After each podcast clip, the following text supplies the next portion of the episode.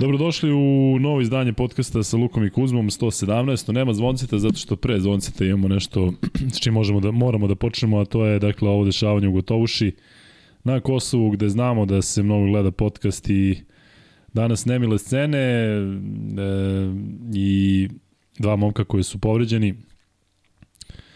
Sreće pa je pa su momci koliko sam razumeo, pušteni kući, ali eto i ovo utakmica među Zvezdi i Valencije, neko bila u senci toga, čuli ste da je Nedović e, pozdravio i Stefana i Miloša.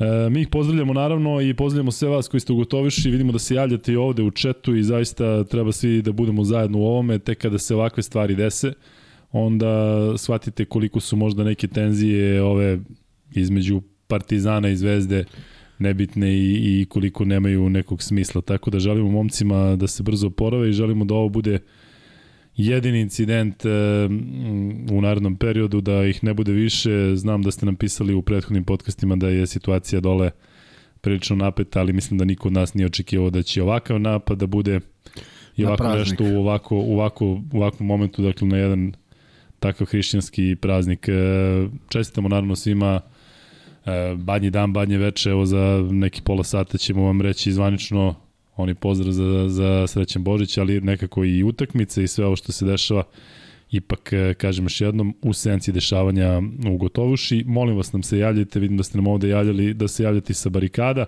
Mislim da je ovo moment kada moramo da budemo svi zajedno, svi složni i da pričamo naravno o košaci, ali moramo da počnemo sa ovim i još jednom mislimo smo uz vas. Znaš, mislio sam da nikad neću čuti ovako nešto iz prostog razloga što onaj dres koji stoji ovde, u stvari gde Dres je preko puta mene, Srbije, broj 12, koji je često stajao na stolu, to je Boba, Bobana Stankovića dres koji je imao i slično iskustvo.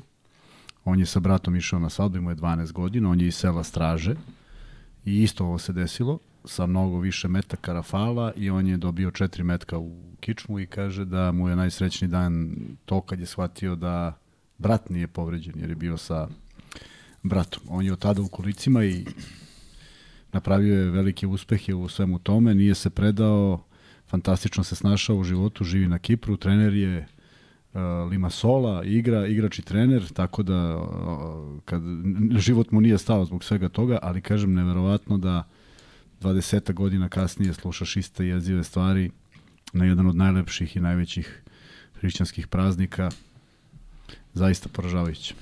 Mislim da je možda to bio i cilj ovog napada, da, pa da pokore, jeste, ali, ali strašno... mi ćemo da naravno i pričamo o košaci i bit ćemo pozitivni zato što moramo da budemo, ali to ne znači da da ne mislimo na vas koji ste dole, koji ste trenutno u toj teškoj situaciji. Ja opet pozivam na, na da, da nema Mislim, jako je teško u ovakvim momentima pričati, ali da nema nekog odgovora, zato što ja mislim da je to u stvari i, i, Provokacija i zbog toga. Tako, tako je, tako da hajde mi da uživamo koliko možemo u Božiću, da uživamo u, u, u ovim lepim pobedama i Zvezdi i Partizana. Ja sam juče počeo novi podcast prethodni da je velika pobeda Partizana, danas zaista velika pobeda Crvene zvezde o kojoj ćemo pričati evo narednih nekoliko sati i Kuzma sad možeš izvanično da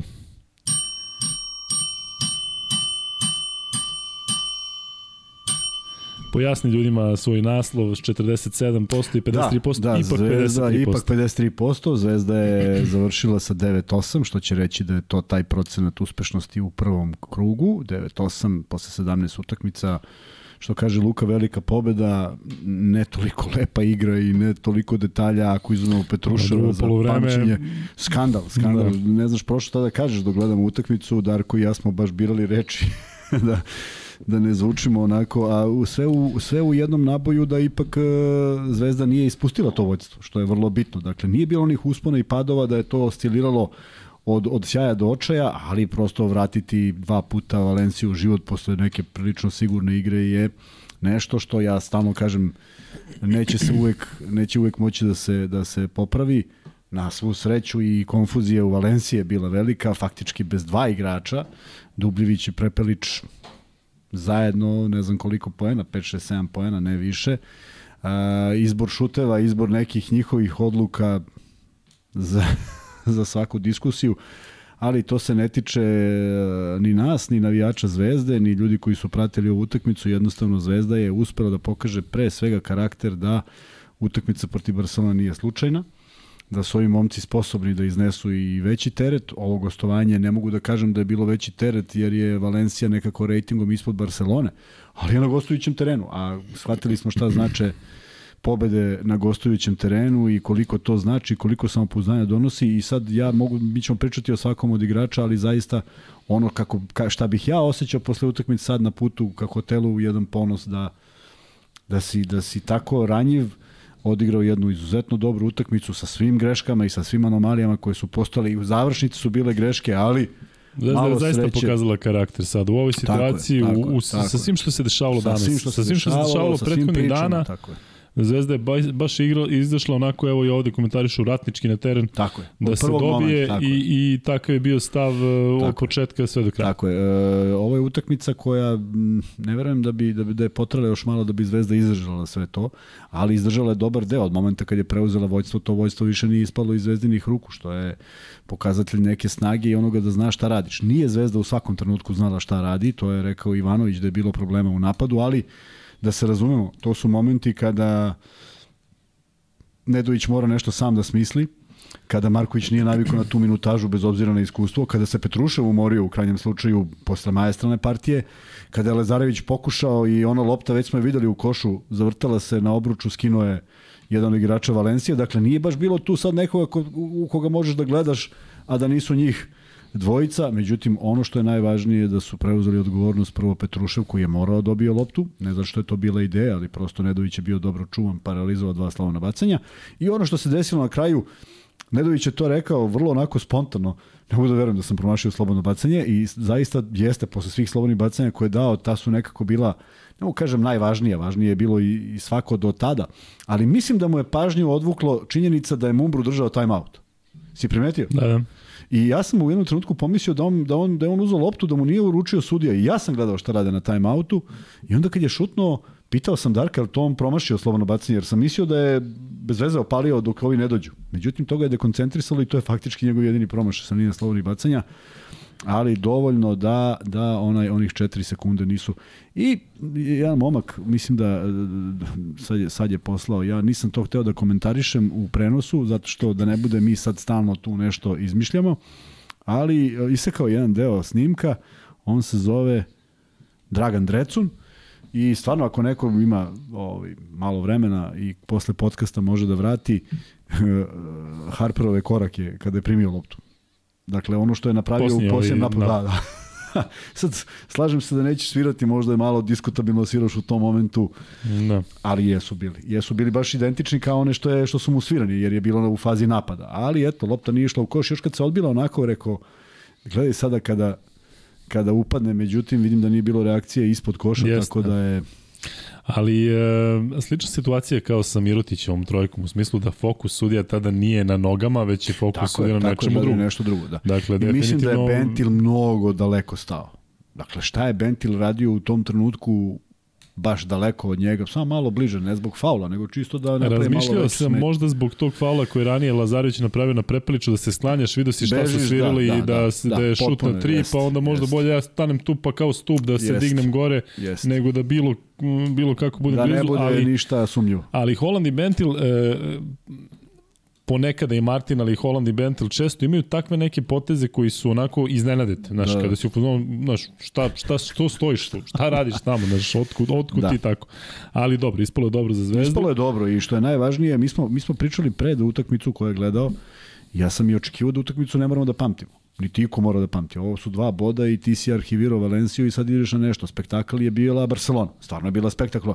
Ovo je bila ozbiljna muka i za jedne i za druge, s tim što je Zvezda imala tu ideju a, koju je preneo Ivanović i rekao ovo mora se pobedi. Ako mora se pobedi, sva sredstva su dozvoljena samo ako, ako se to ostvari. Ako da. se ostvari, znaš koliko nekog zanima kako je ko igrao. Ali u svemu tome zaista ne istaći Petruševa, a i sve igrače, pa ćemo imati prilike po nosu, bi bio, Hoćemo, bio greh. Naravno. Znamo na kome ćemo se ovdje... najviše zadržati i možemo sa njimi da počnemo ne konkretno kada pričamo o igračima, nećemo govoriti o njegovoj statistici sada, ali Vanja, molim te za početak stavi pol. E, pre nego što... Koliko što, ima ljudi u live? E, to je ono što sam htio da kažem. 1633 sad u live prošle, prošle, e, prošlog podcasta je bilo 2300 Jest. ljudi posle pobjede Partizana. Da vidimo da li može da se stigne ta cifra.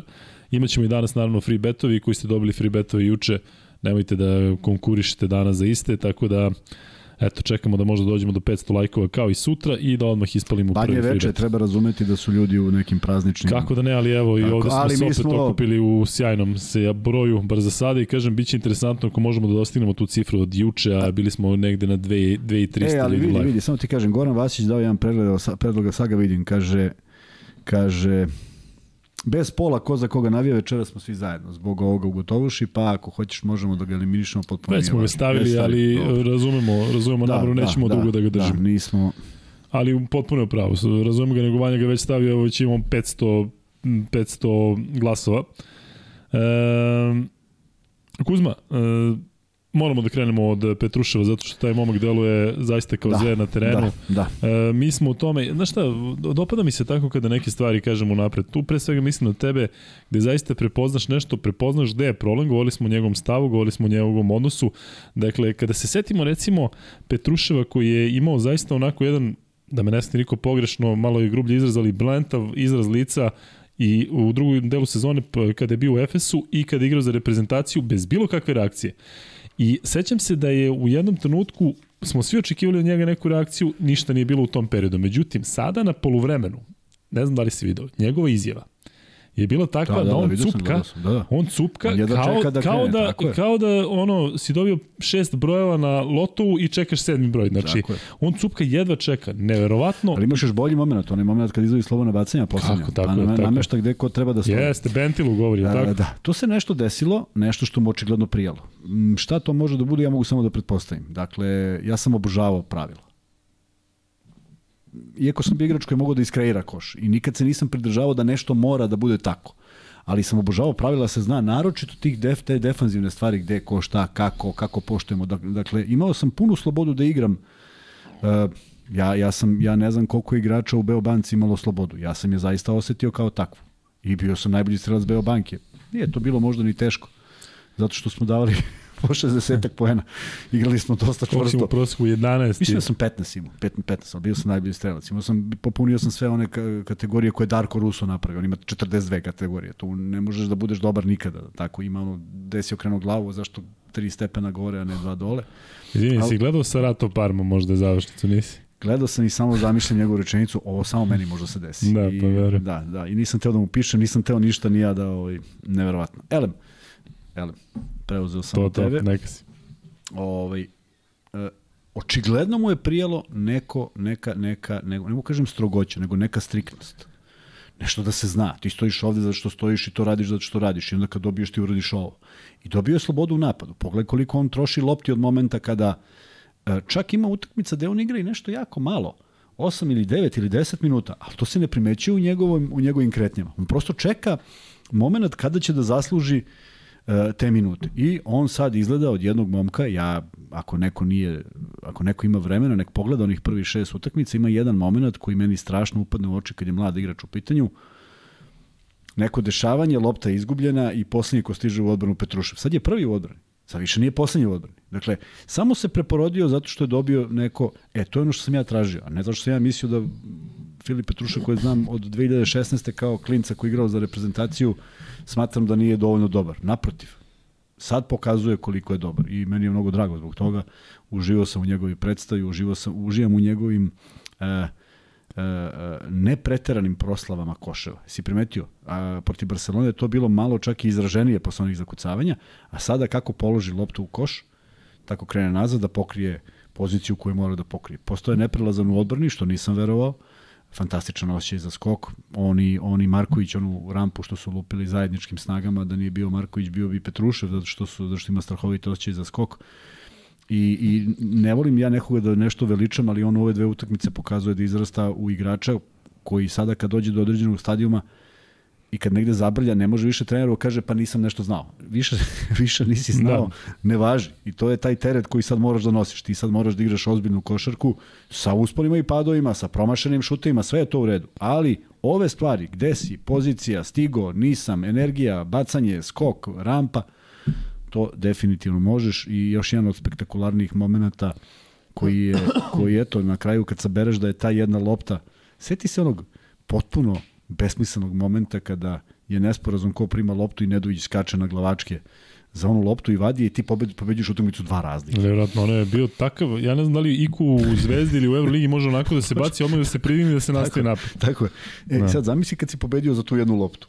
A da, da. negde u nekom momentu svejednoće koju igrači mogu da dožive bilo bi pa što nisi ti iskočio, što ja i tako dalje. Međutim, eto, negde je usađen taj pobednički mentalitet i eto, sad otkrivam nešto ako nisam rekao. Sam rekao šta sam pričao sa Ivanovićem kad sam ga sreo? E, pričao si da.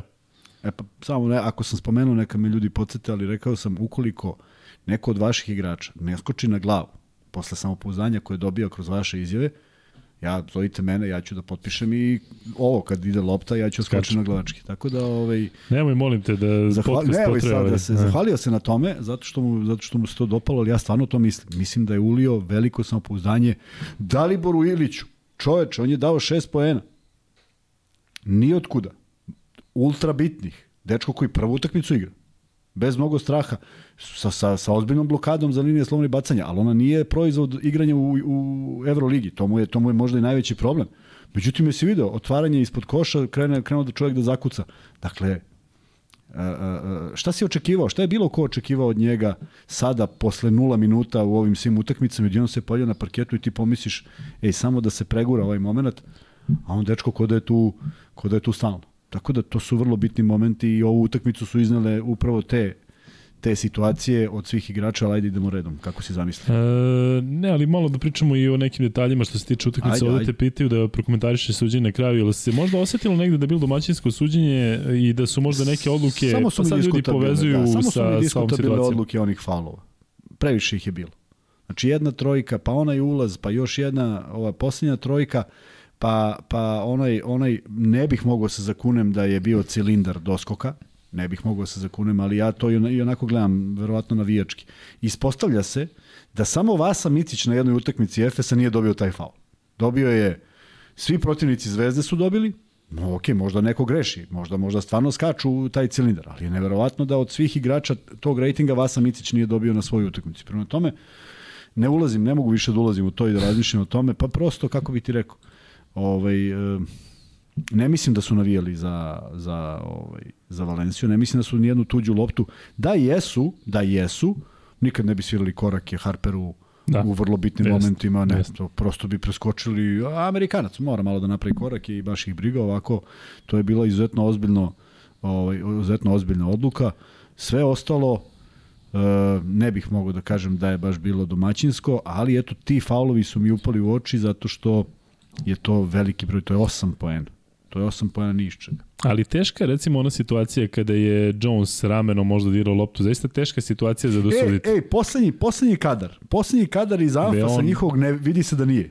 Vidi se da nije. Vidi se da nije. Da. Darko i ja smo mislili iz, sa leđa Tako da on tačno se naslanja. Međutim, taj posljednji kad su oni već doneli odluku, oni puštaju kadar koji je u stvari najmerodavniji i tačno vidiš da imeno pola santimetra. Uvijek se najbolji kontra. kadar pojavljuje nakon, dakle, nisu, oni nisu koji sudije ne vidi. Da. E, sve čisto, kako se uplele ruke, to je neverovatno. Ne, je... I činjenica je da je on dodirnuo parket e, da aut prvi, ali nije imao kontakt sa loptom. Tako Jedno da čekam da pričamo o Lazareviću zbog te situacije, da. dakle, momak zaista je jedan od onih koji su dobili samopouzdanje. Počet ćemo od Petruševa, ali hoću da te pitam, malo pre si rekao kada e, smo naravno uočili taj ogroman napredak kod Petruševa i kako se odjednom kod njega sve preokrenulo i kažeš ne znam šta se desilo, ali meni se čini da ipak tu taj faktor Ivanovića... Pa znam šta se desilo, nego ti kažem, ne znam više, onako, znaš, govorim mm. šta, koji su to motivi. Ja, I onda sam se prebacio, znam da neko voli nešto da mu se objasni. Ne shvati, nego ti objasni, nacrtam ti. Treba ti nacrtam. Ok, zato što imaš određene stvari u košaci koje jesu za, za to i što ih pre savladaš, a on ima kapacitet to da savlada. Evo, primjera radi, on stoji fenomenalno u odnosu na igrače ne naseda na fintu. Možda je ranije nasedao na fintu, možda je sad shvatio zašto ne treba, jer mu je neko rekao kako to da radi. Dakle, te stvari koje se rade po nekim školskim principima, po nekim fundamentima. Ipak je on igrač nove generacije. I e, igrači nove generacije više vole da skaču, da lupaju rampe, nego ono old school da mu ti uđeš nogama i stojiš pored njega pa nek da on koš preko tebe. On sad strpljivo čeka, ne naseda na finte šuta. Dakle, stiče jednu zrelost i njemu je očigledno trebao neko autoritetom da mu kaže da je to to. On je to prepoznao Ivanoviću sa puno, sa puno razloga Koji je domet Nije Petruševa. Kuzma? Sad Ne kada znam, vidimo ne šta znam. može, on znam, zaista. apsolutno, e, možda se razmišlja o tome da će on ove sezone biti jedan od najboljih centara u Euroligi. Trebalo tako? bi, trebalo bi da se razmišlja. Trebalo Da je bi zdrav? Samo, tako je, Tako. samo da je zdrav i samo da izađe tu, kažem, bit će tu uspona i padova e, moment kada, kada, kada bude bio pad forme koji mora se desi u nekom momentu, daj Bože da ja grešim, ali prosto to pokazuje iskustvo, ovaj, samo da ne bude nagao, samo da tu pronađe sebe. Da kad nešto ne ide, kad nešto što si danas i u protiv Barcelona radio, da ti nađeš neki model da to da to preguraš, da to da to preguraš. Na primjer, evo videlo se danas da nije čovek koji će nadriblati i šutnuti trojku. I ne treba to da radi. U krajnjem slučaju. Čak mislim da bi mogao da, da, da, da iz tih akcija više isprovocira neki prodor sa fintom naskoka da šutira za tri, jer video si svakoga koga pomisli da obiđe on maltene, obiđe. Ogroman je to raspon ruku, ogromne su to noge, jako dobro se snalazi, nema više odbijanja od protivnika, ide, nosi i da ti kažem, Dubljević će uhvatiti na prvom koraku, nije neki problem, ali izneti koš pored njega s telom, Ali on je počeo meč tako što je zidao počeo, protiv da, Dubljevića protiv i njega, pogodio tako. ta. Ima on taj, tu dozu pozitivne, Da, da. pozitivnog bezobrazluka. E, takav je bio i sa Mirotićem, napadao je bez problema. Dakle, ti imaš respekt prema tom igraču i nikada ne treba, nikada ne treba. I mislim da nije taj tip igrača da će u nekom onim ružnim razgovorima, ono što sad zovu trash talk, ja, meni je to Zovu odlično to dugo sebi, trash talk, da. Ali to negde pripada nekom drugom podneblju i kad naši to rade, to deluje toliko glupavo.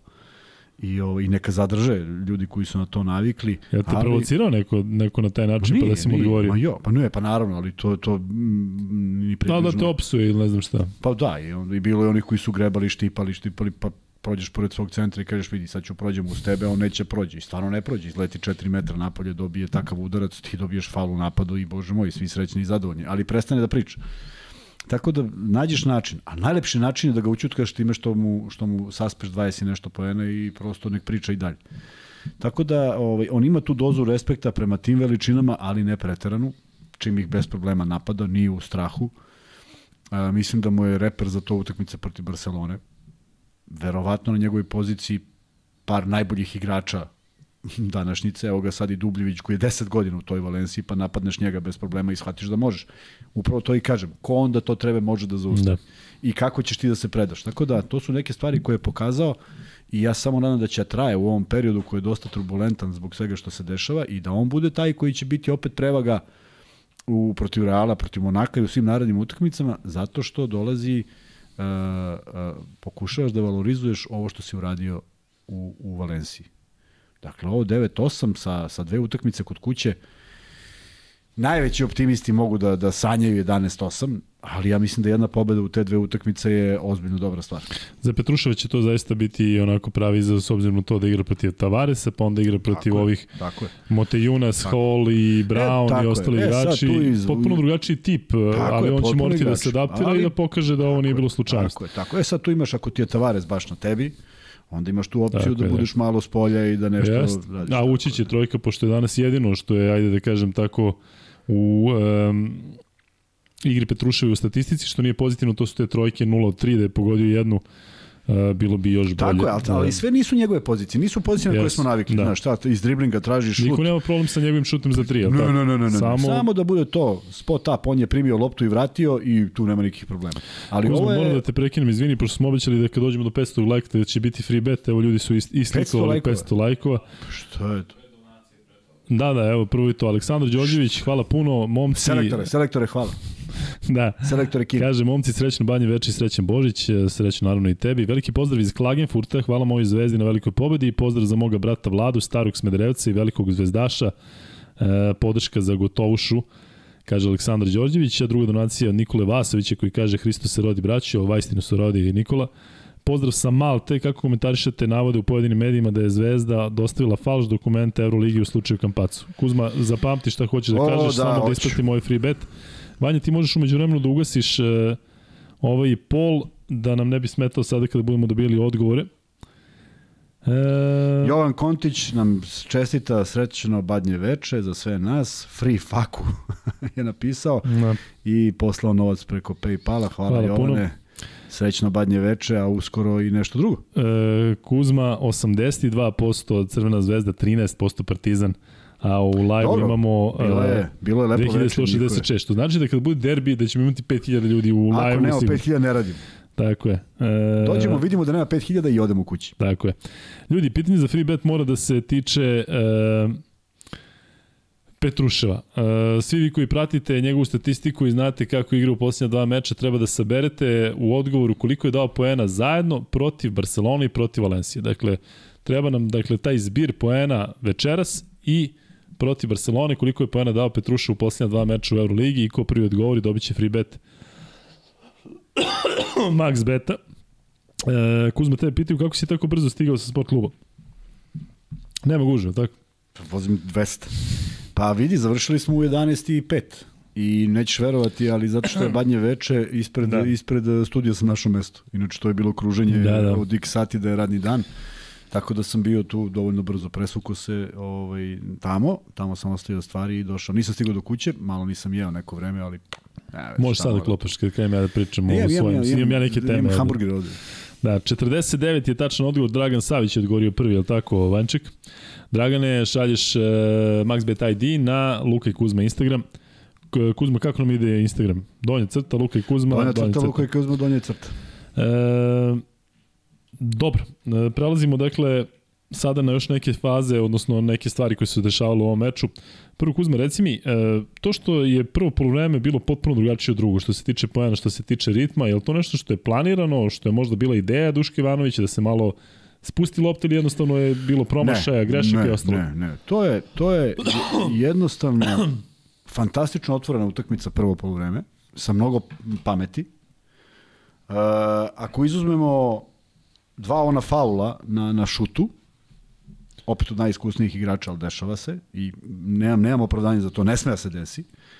O, osim toga, to je sve izgledalo jako dobro. I kada smo Darko i ja na polu, poluvremenu pogledali statistiku, zvučala je zaista neverovatno. 71% ili 75% za, za 2, 50 za 3, 91 za slobodno bacanje. I ono što je bilo interesantno, pogledaj koliko je drugačije drugo poluvreme, 10 skokova zvezda.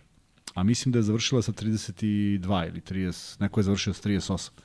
U svakom slučaju, izuzetno mudro odigrano polovreme sa korišćenjem svih igrača i, i, i jedna velika sigurnost u nastavku. Iako i jedni i drugi su se pogubili u drugom delu utakmice, 14-14 je treća četvrtina, a u jednom trenutku je do, na 5 minuta do kraja bilo 4-4. Kao da si da gledao neki, neki futbalski duel nižih liga sa malo više golova. Jel to pokazuje da Zvezda može da igra i na jedan i na drugi način može. i da bude uspešnija od timova može. Ti znaš, ja sam pričao, samo ne znam koliko Zvezda ima asistencija. Pokaži mi to. E, taman ti reci da li može da igra dok Da, ja sam, ja sam se bojao nekih uh, ideja u kontrama, uh, a da ne bude kontrola lopte kako treba. Dakle, da se potroši lopta bez veze u nekom, nekoj ideji da se la, da lakoš, međutim to se nije dešavalo.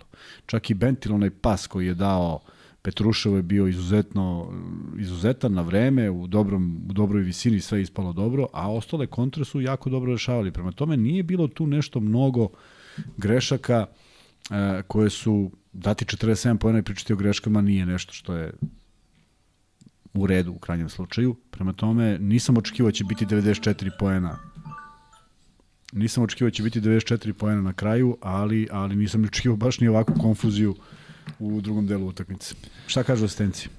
Zvezda 17 asistencija. Da, to je malo na ovaj broj poena, ali upravo o tome sam pričao. Bili su potrebni sigurni poeni. I u suštini ti kad vratiš film, celo drugo polovreme se igra Nedović ili neko ili Petrušev rešavaju sami, što je sasvim legitimno, jer, i to sam rekao u studiju, nema razloga da bude uh, da bude spektakularna utakmica koja će se izgubiti. Naprotiv, treba da bude ružna utakmica koja se neće pamtiti, a da ima svoju svrhu i imala je svoju svrhu i to je super. Um, Evo, ljudi su počeli da čestitiju, dakle, Hristo se rodi, svima vama koji ste bili rekli, Vajstinu se rodi, se rodi da. tako da srećan Božić i um, dajte, braću, da se držimo zajedno, to mislim zaista na sve nas u regionu, tamo gde ne, nisu potrebne tenzije i gde ne mora da ih bude, dajte da ih ne primimo. Um, U svakom slučaju, uh, zaista nam je drago što ste sa nama i to u ovakvom broju.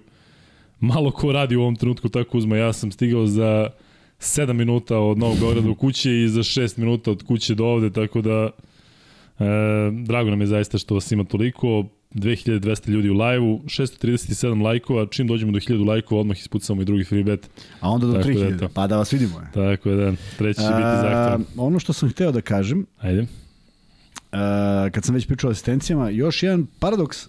Znaš koliko asistencija imala Valencija? 10. Eto ti. 10, to nisam vidio dugo. 12 lopti, samo dve manje e, od Zvezde, ali evo, 25 defanzivnih, Zvezda 31, to je zahvaljujući velikom broju promašaja o, domaćina i 38 ukupno Zvezda nadskakala, zatvorila reket, tako da i statistički i svakako potpuno zaslužena pobeda u jednoj utakmici nelepoj svakako, ali vrlo bitnoj. E, Kuzma, e, pre nego što pređemo na igrače, možemo da odgovorimo malo na pitanje, pošto ih ima. Može? Ajde. Jel može komentar na izgubljenu loptu tokom izvođenja iz auta pre Da, sam kraj utakmice? Skandal, lop, ono je nemoguće, ti si Ajde, imao- Hoćeš si- jednom da isko, isko, iskritikuješ Lazića ne može. ikada? To ne, hoću, hoću, to ne može da se Eto. desi. To ne može da bude takav nesporazum, Vanček ali uključi dodatne Snimaj, kamere, da, da, Kuzma još- i kritikuje Lazića. Da. I, e, sad ću ti reći zbog čega. Ima jednu, ne mogu kažem da ima olakšavajuću okolnost, takva lopta se ne dodaje. Ali čekaj, gde su u kadru još igrača? Ako je već panika da se izvede. Ko je bio samo Dobrić i ne znam ko na ovoj polovini, tako? Pa da. Jo, još to je, samo da mogu da prime na jednoj Jeste. strani. Pa dajte ljudi malo Takav da ne zavrtite da. nešto, tako je. I sad on mora da izbaci loptu. Zamisli, još gore bi bilo da je Lazić držao 5 sekundi, onda bi ga svi pitali, jeli, dobro, jesi normalno, nisi mogao negde da izbaciš. A kad izbaci negde, onda kažu, ma nisi ni morao da izbaciš. tako da, Da, ali- Laziću se, kako god okreneš, ispa, piše loše kad napravi nešto ovako, pr- prilično bitna lopta i najluđa reakcija Ivanovića do sada ovih x utakmica koliko vodi. Šta se bilo? pohvatio se za glavu, prosto ne može da veruje, držao je time out i objasnio gde treba da se uvede lopta. A inače, e, prethodna, možda ne prethodna, ali, ali ne, ne prethodna sezona, Darko nije bio tu. Godinu dana ranije, kada smo radili, ovaj, bio je u jednom momentu se desilo da je Zvezda bar tri ili četiri utakmice, čeon i out, imala nenormalan problem da izvede loptu. Znači, to su bili, to, to uvek nešto ili, ili izgubi, ili je ono, odbije se lopta negde preko pola. I Darko je rekao da je jedan od najtežih momenata kad se izvodi out kao evo, samo da prođe ovaj, ovaj trenutak jer sve ostalo je lakše. Tako da je ovo ispalo neverovatno da je Zvezda tako loše izvela taj poslednji, taj, ne taj poslednji, nego taj out. 5-0 je napravljeno iz tog time outa, Ivanović je morao, Jeste. ponovo morao da napravi, i to je, to je, to su pokloni, to su pokloni. I eto, ja, ja ne kažem da Zvezda nije dobila neke poklone. Ziceri, Ziceri Dubljevića su ozbiljni pokloni. Onaj, onaj moment kad mu ispada lopta je poklon na kvadrat, ali Dobro, kaj Nedović je neki zici na drugoj strani, ono kada je na drugi obruč zastao i tu je bilo tu je neki bilo, proma, da, bilo, da. neočekivanih. Ali, ali ovo, je, ovo je ipak nešto što je Jeste. stvarno nesvakidašnje i što ih je manje, to je bolje. Mnogo izgubljenih lopti koje nisu naštetile zvezdi.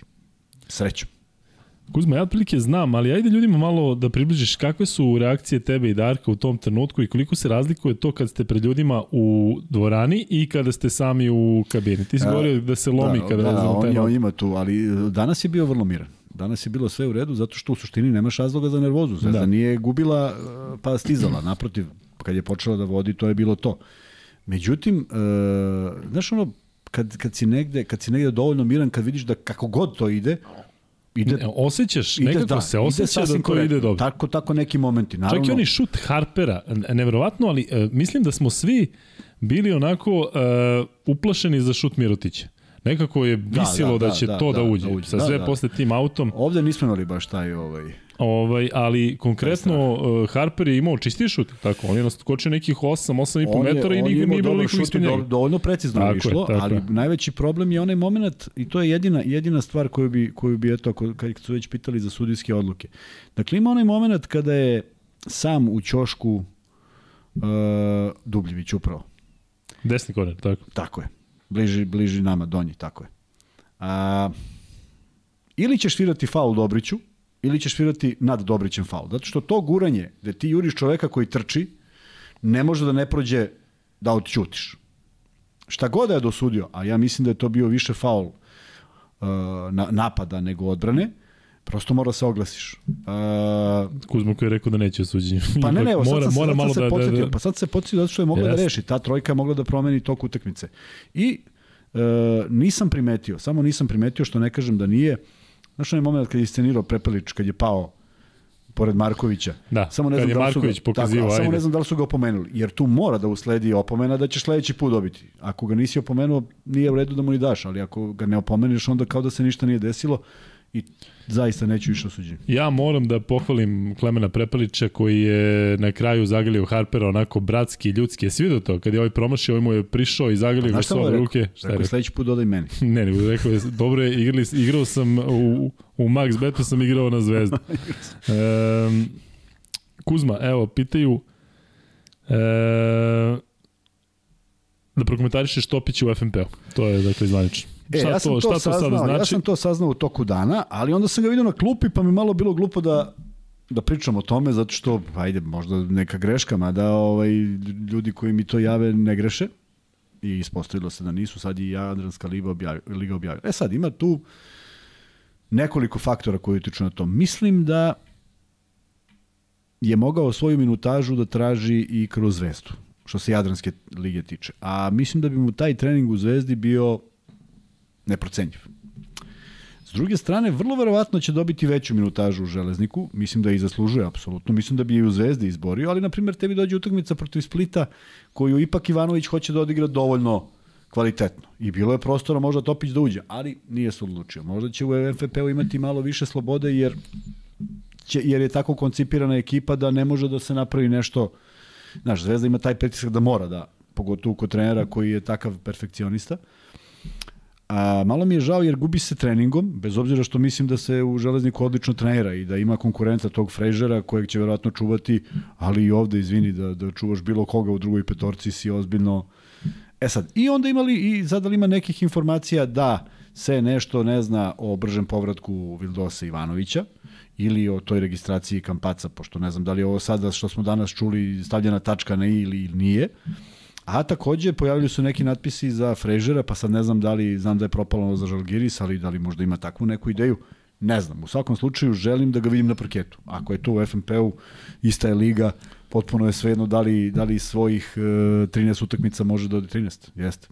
Polovinu prvenstva može da odigra u Zvezdi ili u FNP-u, možda će imati više minuta mislim da je pravi potez da bude na parketu. Ali slaže se da je bolja situacija nego da što je bilo na početku sezone da u Slodesu ide na, na kaljnje zato što je potpuno drugačiji. Kako da ne, kako da ne, kako da ne. I mom, vidi, uh, i ovih, i ovih 3-4 meseca koliko traje liga, uh, mnogo je on dobio ovim treninzima. U to sam ubeđen. Prosto ti, ti vraćam, pričao sam prošli put, vraćam ovaj priču na na nisam pričao prošli put, potpuno u drugoj emisiji sam pričao, ali ja sam ali sam juče pričao. Nisi u svoje emisiji Ne, nisam pričao. u podcastu našem, ali sam pričao dolazak Radovića, Nikolić, Nikolića i Bogosavljeva i Rajka Žižića kao trenera. Pa znaš ti kako gledaš neke stvari? Pa znaš ti šta naučiš na treningu? Pa ti malo gledaš kako oni rade, pa počneš da kopiraš, pa si već bolji. Tako da smo mi iz dana u dan, iz nedelju u nedelju bili bolji kad igraš sa boljim igračima. Potpuno logično. Ako si otvorenog uma da prihvatiš to. E, ima dosta pitanja, tako da idemo redom. Nećemo Kuzmo dugo sa odgovorima zato što imamo zaista i mnogo stvari da prođemo, da najavimo Jaba ligu ovo kolo. Pitanje za obojicu, ako zamislite da Kampaco može da igri, da je došao Polonara, da li mislite da bi Zvezda sigurno išla na F4? Rano je govoriti o tome Kuzma, tako, da, ali ja Zvezda, siguran, Zvezda što, zaista dakle, deluje preozbiljno. Jeste. Deluju kao bez da znaju. Kampaca, da bez znaju. Vildose, da bez Ivanovića, Jest. a sa Ivanovićem na klupi, Zaista ovo, evo ti možeš možda najbolje da posvedočiš koliko radiš zvezdu, 8 godina si na sport klubu, 7 godina radiš zvezdu, tako? Prva godina samo bio partizan. 2014. Dobro. će deveta biti. E, jel se sećaš ovakve zvezde? Načunići onu sezonu kada se e... igralo protiv CSKA u play-offu za Final Four. Pazi, bilo je, bilo je momenata da mi je ličilo da je to to, ali sa ovakvim samopouzdanjem ne. Sa ovakvim trajanjem i sa činjenicom koju mi je neko poslao, a mi smo je spomenuli u, ovaj, u prenosu četiri uzastopne pobede u gostima. Da, Ivanović nije poražen u gostima, nijedan. Ma što je, to je prosto neverovatno. Ti sad Jeste. mora se počeš i kaže čekaj da vratim film. I vratiš film i stvarno je tako. E, to, to se dešavalo. Dešavalo se Radonjiću da imao neku seriju od sedam pa da, da su tu bile 3-4. Ali u jednom drugačijem maniru. Ovo je sada da ti dolaziš tamo na ideš završnicu iz koje više nemaš bojazan, I može da ti se desi Barcelona, ali se desi zato što postoji jedan vanserijski igrač u toj Barceloni koji je to rešio. Četiri ostala njegova saigrača su uzeli taj šut, pitanje da li bi to završilo u košu, jer je to zaista bio i težak šut i, i proizvod velike samopouzdanja, velike vere u sebe i jednog, jednog ozbiljnog kvaliteta. Tako da sve utakmice koje smo gledali treba budu ovakve, nažalost bojim se da će biti, pa će biti dosta nervoze, ali nekako kod navijača više nema te bojazni kako će proći ta utakmica. Pa čak i ako se izgubi, Biće konstatacija, e, ali dobili smo uh, u, Vale, u Valenciji, pa drugačije razmišljaju. Prema tome, otvoreno je sad sve i Zvezda izgleda poprilično ozbiljno sa ovim pobedama. Ali ne treba se zaletati, ne treba ne, nametati pritisak, ne. ne treba ništa od toga. Pazi, tako. sad ja teško mogu da zamislim poraz od MZT-a, ali znam kako Ivanović gleda na to. Uopšte neće dozvoliti da to bude neka utakmica da se tu glupiraju. A, naravno da bi trebalo odmoriti Nedovića, zašto je utakmica već utorak. Naravno treba Petruševa odmoriti posle 31-2 minuta. Sve su to stvari koje treba. Mislim da ima ko. Mislim da je sad Ilić treba na, na, na, na, na krilima ovoga da odigra, na primjer, strašno dobru partiju protiv MZT-a. Sigurno da igra bolje od ovoga. Da. A bio je sasvim dobar. Moram ti reći da jedno čekaju ljudi da komentarišemo igrače, jedno čekaju da čuju tebe e, pre svega oko Holanda. Ali preskačemo ali doćemo, Holanda doćemo i oko, i oko Ilića ćemo doći Ja sam dobio poruke u da. prenosu, kaže, pa eto, samo nije spustio drilling. Pa tako je, nije spustio drilling i to je već dovoljno dobro. E, da. Dobro, ovo se tiče sin, situacije Sinoć, možda komentar na skandaloznu partiju Jamesa Sinoć, onomu Zvezda Mitrović ne bi dozvolio, zato su ga oterali. Da, pričali smo Sve o Jamesu Sinoć. Sve da, i ajde samo da spomenemo, tu je, je da. tu je ta loša pozicija Saša Obradovića. Jeste. I nisam, ne zavidim mu na tome, zato što ti sad moraš ili da kreneš, znaš ono, kako izgleda u onim, ne mogu setim ko je to strip bio, pa sad on treba da mu nešto kaže, ono cvetići izlaze dok priča, znaš, ono umilnim tonom, u stripu. Odmah ko zna da odgovori, nek, ne kaže ko je strip. Zna Nije free bet, ali eto, da. kad izlaze cvetići e, u stripu. E, to je, to je to. Sad ti kao, izvini James, samo nešto ti kažem. Pa vidi, nije bilo loše, ali jel možeš? Malo, malo je to loša uloga za trenera. Daš, ako se setiš kakav je Saša Bradović bio i kao igrač i kao trener koji je teo da se bije pa, sa Aleksom bi Renfrom, tako je, pa i on bio... mora ovde da se suzdržava, pa, dakle, mora, onda mora, deluje prilično. Mora, mora. E, pitaju ovde, mene kaže Kuzma, ti verovatno ne znaš ovog igrača, ali pitaju za ovog Rajlija Ovensa, što igra za C, gde igra? To nije u redu. U CSKA? CSKA. U, ali u kom? U Bugarskom. Tako je. pa i nema treći. e, da, pa vidio sam da ima neka neverovatna kucanja sad šta može i koliko može. Ta bugarska liga je prilično onako zanimljiva. E, ali dobro, e, Kuzma, da, ima ovde još dosta pitanja za tebe. Da prokomentariš posljednji napad u drugoj četvrtini i odbranu Zvezde. Ajde da se setim. A, da, da. E, dobio sam nervni slom, da. Dobio sam nervni slom. Ja te pitam šta se dešava u kabini i ti nećeš da kažeš. Ne, ne, to sam izašao. Izašao sam i, va, i onako sam pokušao da svarim. Dakle, Ne, si izašao, ja bio pored vas, prenosio Olimpijakos, bio si unutra. Ne, izašao sam i dramio sam tamo u režiji. Objašnjavao sam. Na polovremenu? Da, na polovremenu, da. pa da, polovremenu. Dakle, ovako, opet polazimo od toga da ja verujem da su to neki igrači koji znaju svoj posao. Harper, ili Harper ili Jones? Ko je? Jones. Jones izlazi na mesto playmakera. I koga čuva? Petrušev. I šta on uporno traži?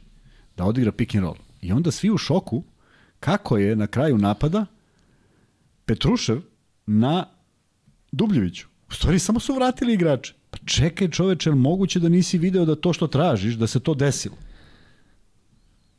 Odgovori mi. Jel, moram mi odgovoriš na ovo sad. šta ti kažem? Nema ti kažem. Kažeš, nije moguće. Pa šta ti? E, to su neke stvari, ja e, znam da su ljudi napisali, jer to smo komentarisali Darko i ja.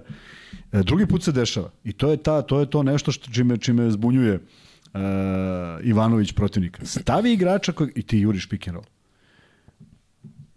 volao bi neko od naših gostiju koji bude dolazio, a da igrao sa mnom i da ga je Mutan Nikolić trenirao šta je, kaka je, kaka je e, sprdačina nastajala u takvim momentima kada ti zoveš u pik u, ta, u takvoj situaciji. Ko, ko, ti ne možeš na trening više da dođeš koliko se ljudi šale na taj račun pozivanja nižeg igrača u pik. Tako da Zvezda je tu odradila dobru stvar, zaustavila taj napad, što opet govorim, na kraju se ispostavi da je, ta, da je možda to, možda ne ono bacanje Nedovića, možda je to donelo ovu vrlo vrednu pobedu.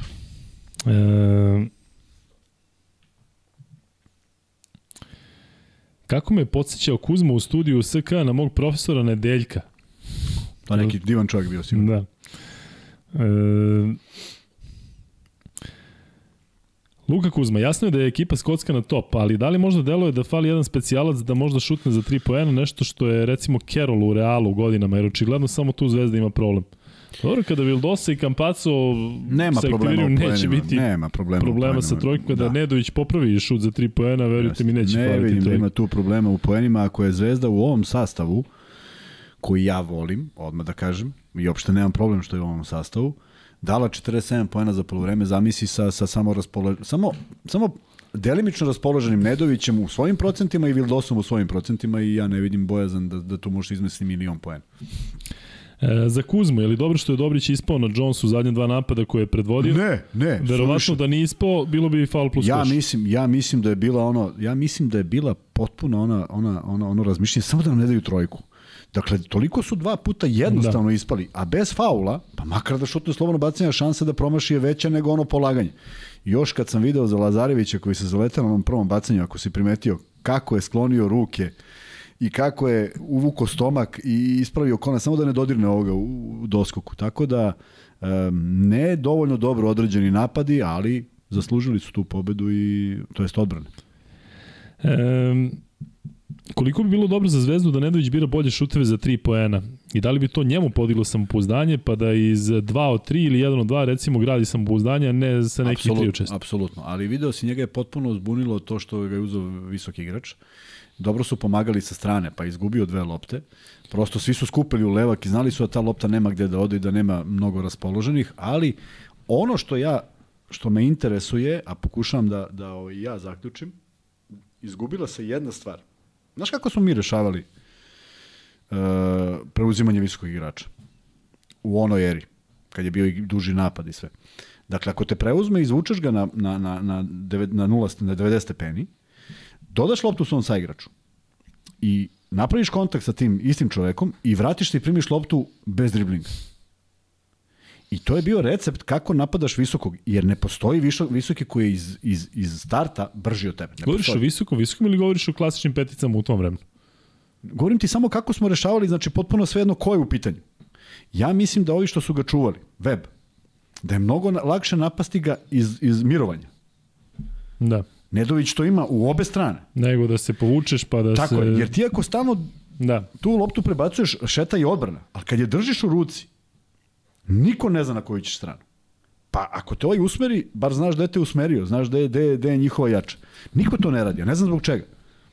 Nema šanse da on ne može ponovo sa slobodi da primi loptu. A mislim da je bilo jednostavnije da napadne iz tog jednog koraka. Bili smo, imali smo igrače koji nisu bili brzi kao Nedović, ali su to rešavali bez problema. Tako da je to jedan mali savjet da se proba. Mislim da može da upali. E, piti ovde da li postoji mogućnost da Fraser pređe u zvezdu? I šta bi ne to? Ne može da bude registru. da, da, dobro. pa čekaj. Crni humor. Pa je crni humor, ali da. tako deluje. E, vidim da ovde komentarišete uh, negativno igre Markovića i Bentila, ali ne, doćemo do toga. Ne, da pričam uopšte. Dobro, dobro pričat ćeš o Markoviću i Bentilu kad dođe vreme. E, dobro. Mogli bi sada lagano, evo kaže ovde ljude, 2500 ljudi u live-u. Nevjerojatno, Kuzma, veruješ ti? O, ja sam verovao to od prvog dana. od prvog dana. E, ovde neko Ajde, bi napisao... šalju, šalju njih 20 već i evo, poslednji je došen, sad ne znam kako se zove, jedan momak koji je poslao poslednji, a bilo još ljudi, na Twitteru izašao Kampacov tweet. Umoran sam i Evo, tužan zbog cijele ove situacije, sve što tražim jeste da me puste da igram. Jedna divna poruka koja ne znam da li će biti ovaj, uslišena. Dobro, on će igrati sada, dakle nije da, da, da ne može da igra, on će igrati sada, on ne, ne mora i onda da me ne ljudi pogrešno, ali ni, on će igrati jednu utakmicu nedeljno, tako? I nek igra 30, 30 minuta u ABA ligi, nek tu usmeri sebe i nek se sprema za, za 50 dana koliko je ostalo do, do, do kraja Uh, u prilog tome, u prilog tome jako, jako, jako uh, važna pobeda. Znaš, ti ako, ako Zvezda izdrži taj period gde on može, onda će to biti potpuna, potpuno ludilo. S tim što, šta ako se nešto desi u 14 časova 1. marta, pa e-mailovi ne rade i Zvezda ne može da pošlje registraciju do 6. To je jedini dan kad mogu da ga registruju. Ako ti voliš tako malo da volim, sada ljude, da, ja da iznerviraš dodatno. Samo zamisli da je prestupna godina. Pa onda ovi što šalje da mail, nek, nek da stane ovako godina. 27. februara, ne 28. ili 27. stane e, na enter. da je prestupna da. godina, bi bilo do 28. ili do 29. Šta misliš? da.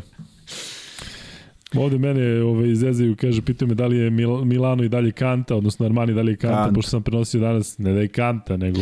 E, Lazar Ivković piše nešto, ali mislim da nije bilo. Ja sad stvarno to nisam primetio. Ovaj, kaže da, je, da, da, da mu se čini da je Ivanović signalizirao Nedoviću da namerno promaši slobodno bacanje. Koje je slobodno bacanje? Drugo? Kada? Posljednja slobodno bacanje. Na 4,7 sekundi. Nedović. Da. Ne, on, je, on se okrenuo i pogledao je ka Ivanović. A šta je je bilo nešto od Ivanovića? Nisam ja. A ne, ne, ne, to je samo pred, pred, pretpostavka. Ja nisam vidio Da. reakciju. Ne, de, ako je promašio prvo, kako i da promaši drugo? Pa naravno. Tek je to ozbiljan problem. Ovako je uradio ono što je najbolje mogo. Mada, mislim da mu je... Ali pažnja- zar, zar nema to smisla, Kuzma? Ko je? Da promaši drugo. Pazi, A, na 4,7 Da, nema. ne, ne, ali pazi, uh, sigurno će se za 4,7 sekundi šutirati trojka. Je li tako? Dobro. Sve jedno Mnogo je. je da- 4,7. Jeste, ali svejedno daš drugo i on kreće ispod koša i može pasom da dobije prostor, a za 4,7 sekundi, Jeste, ali ovako imaš, ovako i ti a imaš... ovako on dok uhvati loptu. Nije to... Posebno ako, znaš, mora play da hvati Harper- loptu ili on krene. Pa, vidio si da nikog nije bilo na skoku baš zbog rizika se napravi neki faul. Još bi bilo gluplje. Ali u svejedno svemu da li jedna, jedna ili dve razlike, to hoću da kažem. Jel oni šutiraju trojku za pobedu? Da, to, to da. To da. Zato kažem. To da. Ali... Meni recimo čak ima smisla. Znaš. ne znam, meni je 4,7 mnogo. Znam da je Rakočević mogao da otrči do druge, da, da otrči do, do, do, na kamikazu, da se vrati na pola i da šutne za to vreme, tako da to je dosta. Luka Kuzma, da li deluje da je ovo trenutno maksimum u ovom sastavu bez klasičnog playa i da će malo kvalitetnije raspoloženje ekipe lako kazniti zvezdine prazne minute? Vidi da ti E, kažem, Ima ajde- ovde ajde mnogo ti, prostora da. za napredak. Ajde ti, tako? da, Zato da. što je Zvezda danas pokazala opet neke nedostatke u igri. I to ako se nadoknadi, to, je, to, je, to će biti preozbiljna stvar. Kada dođe Vildosa, kada dođe Kampacu, ja ne znam iskreno gde će tu Ivanović da nađe, kako sam ga juče nazvao, nazvao Marko Ivanović, ne znam da će Marko da nađe tu svoju, svoju ovaj, ulogu, nadam se da hoće. Ali ono što se meni dopada najviše to je što Zvezda sada kada je definitivno okrnjena na beku, što su zaista spustili loptu na visoke igrače, što je Ilić dobio šansu i što je Petrušev odigrao kao zver. I to je, ja mislim, Zvezda je tu ozbiljno, ozbiljno profitirala i zaista moje najiskrenije čestitke na tome, zato što Petrušev, jel, jel misliš da bi Petrušev i mogao, bio u stanju da odigra ovoliko, da li bi imao ovoliko lopti, da li bi imao ovoliko prostora, da su tu Kampacu ili Vildosa? Da. Da, da, Ali da. zbog čega? Znaš, zbog, zbog, zbog momentuma. Ti prosto moraš da osetiš. Znači, da, da, on bi bio u igri. Da je Vildosa, on mora da oseti onaj moment kada je, kada je to dobro. Možda ne bi dobio... Ja mislim da ne bi uzeo, na primjer, ta tri šuta za tri poena, koja mu nisu ništa trebala. Ali ovde kad osetiš da igrač može i kad on sve da, kako, kako da ga... Pazi, jedan šut koji je on promašio u jednom momentu je onaj šut na isteku napada sa fade, iz fade away pozicije, što nije bio neki realan šut. Dakle, on bez tog šuta je 6 od, uh, 7 od 10, 6 od... Uh, 7 od Sedam od 10 za devet, 2, sedam a od devet. 0, da. A 0 od 3 za 3. tako je. E, Vanja, šta ovde pišu nekom Litvancu? Šta Litvanac radio, da? Šta hoće on? Litvanac podržava Partizan. Dobro. E, Kuzmo, prokomentariš još jednom taj faul na šutu za 3 poena. Ono što je svirano kao faul na zemlji, pa su onda rekli, ajde da proverimo, pa na 3 Jebi kad vratiš film, moment, moment ovaj, faula i po, potez prepeliča i vraćanje, on je izbacio levom ruku. Ja ne znam, meni se čini da je on dešnjak. A koje je pravilo tu? Šta je, te je granice? Ne, ne znam, ne znam. Evo, gde ne je granica ne mogu da on odgovorim, sada? Ne mogu da odgovorim. Šta to znači kad ti to baciš? Stvarno ne mogu da odgovorim. Sudi onda pogledaju snimak. Ja samo stvarno ne mogu da setim, ali mislim da je on dobio udarac u desnu ruku i da je levom bacio. Ako je bacio levom, a stvarno ne mogu da, možda i desno, ali mi ne deluje zato što je faul bio na desnu ruku, pa je on napravio neki pokret. Da, ali svejedno, sudija sad treba da razmišlja, aha, on je levoruk, pa, Pa nije treba, desno, pa makar u to treba da razmišlja. Kaže, čekaj, Da. ovo nije bio šut na koš. Ali nema veze. Ovaj, mora se vodi računa. E, igraće Zvezda ponovo protiv Valencije. Fintirati ih. Kad krenu u kontru, zaletiš se pa se povučeš, da imamo šta će da se da li će izblamiraju kad uzmu šutca, pošto su pojedini igrači do, uzimali šuteve za tri poena. Sećaš se da je Ljulju prošle godine u Beogradu uzeo šut za tri poena, bio ubeđen da će biti faul. Da. Bacio posljednju loptu. Beron danas isto imao Pa slično. eto, pa je, neka rade to, ispadaju nekad i glupi. Kuzma, ali misliš da je ono na Petrušu bilo 2 plus 1 ili kako su sudije svirale? Ne, predugo je za 2 plus 1. Jeste. Ali sam navio da sviraju, pošto su svirali i ovo. Da. Matija Milović je donirao, Vajstinu se rodi Matija. E, mnogo pitanja zaista i mnogo ljudi u live. Ivan Kuzma, Peć. 2616 ljudi u live. To je divno. To je. Uh, uh, Ivan Pejić kaže, zanimljivost na tabeli. Ako bi se gledalo posljednjih 10 utakmica, Zvezda je bila na prvom mjestu sa skorom 8-2. Real i Baskonija, Efes sa 7-3. Eto ti. Jedna informacija. To toliko je važna, se slažeš? Vrlo interesantno. Luka Kuzma, šta mislite koliko Petrušev još može da napreduje i da nadogradi svoju igru sa kampacojom asistencijama? Pa što Kuzma kaže, zaista on kad igra ovako, dobri playmakeri, posebno na tom nivou, dakle ti igrači koji su ekstra klase mogu samo da doprinesu da bude još bolji. Iz uh, pika Apsolutno, i da svega. ga razigra. Video si koliko je on lepo ih upotrebljivih da. lopti dobio u jednoj ipak skromnijoj napadačkoj asistent, asistentskijoj Da. ekipi. Kad budu tu ljudi koji znaju to da odigraju. Pa video si u ostalom old school pasova kampaca. Uf, da. Prodre u reket i onaj pas u zemlju. Odmah. Pa da, i Da. da. to odmah daju ljudi. Pa čak imaš jedan moment kad on daje Petruševu, on daje koš, da li je to borac verovatno, a Petrušev pokazuje baci mi gore. Nije navikao da prima Da, lopte da, da, dole, da. što je nekad bilo... A recimo Mitroviću više A odgovara. Mitrović više odgovara dole, on jeste. zna da će svako da dole, nema prosto. I Mitrović, za Mitrović je bio na jedan pas Tako baš je, protiv je, borca tako je. između dvojice. E, a sad vidi, samo dok se vratim na ovo, dok smo pričali Nenad Janković, kaže, bio je kadar na Ivanoviću koji je klimnuo glavom. On jeste klimnuo glavom, a mi ne znamo šta je Nedović Da li je rekao daj? Da li je rekao da ga dam, a on klimnuo glavom, Da, ne da znamo. promašim, prosto, da. Pa da, prosto ne znamo, ali stvarno nema logike da se promaši što kažeš, potpuno je sve jedno, a, a mislim da je bolje da ga daj. Sigurniji su. Da. Mm, dobro, E, ima još pitanja, ali moramo zaista da pređemo malo da komentarišemo Evo i iz Jagodine igrače. imamo jedan pozdrav. Lepo. Srećan Božić, srećan i, i tebi Tadija, ali on ima pitanje kako funkcioniše pravilo cilindra. Ne znam. Ja više ne znam. Meni, za mene ono nije bilo u uskoku cilindar. E, Nedović kad šutira, baca se. Pitanje je kada je to cilindar. Vasa Micić kad šutira, baca noge. E, Beron baca noge. Sad znaš kako, šta znači cilindar? Pa da, ali zavisi kako naskočiš, kako se okreneš. Sve stoji, ali evo baš pogledaj ovaj snimak. Ja mislim da je kontakt kad je igrač doskočio na zemlju, da je kontakt nogom ako je bilo kontakta. I onda prosto postavljam pitanje, kako je moguće da jedino od pet posljednjih koje smo gledali, samo Vaca Micić nije dobio faula, a isto, isto ako me pitaš, isto se desilo. Ka, da li je opet to sudijsko slobodno uverenje što bi me nerviralo da jeste? Tako da jeste teško odrediti šta je cilindar i da li je to vertikalni skok, jer redko ko šutira vertikalno. Svi izbacuju noge i potpuno je normalno da si negde bliže, negde dalje. Pitanje za Luku i Kuzmu, hoće li biti akcija za skupljanje pomoći za ovu decu sa Kosova? Da, sad sam razmišljao dok, smo, dok, dok si ti pričao, ali ne znam kako to da izvedem. Da, ne samo to, nego u suštini e, mislim da njima, znaš, oni su povređeni, mislim da je njima najpotrebniji mir, ne, da njima je trenutno potrebno nešto što ne može da kupi novac. Dakle, što se tiče tih terapija i oporavka, mi se nadam se uključio telefon, izvinjam se. A, to se Kuzmi desi jedno 3-4 puta tokom svakog podcasta, tako da nedostajaće nam E, evo ga, evo ga, evo ono- ga snimak. Poslao nam, poslao nam naš verni Dejan Andrić, poslao je, evo ga, Prepelić, a ne, vratio u desnu ruku, dobro, dobro, da ne vidiš. da, vratio u desnu ruku. E, Znači, treba ga gađati tako da ne može da vrati. Kuzma, e, ajde da dođemo do ovog hiljaditog e, lajka pa da onda ispucamo i drugo free bet pitanje. Koliko smo daleko? E, 847, A, to je što ništa, znači to je za, za, 153. za 20 Da, će to sekundi. brzo.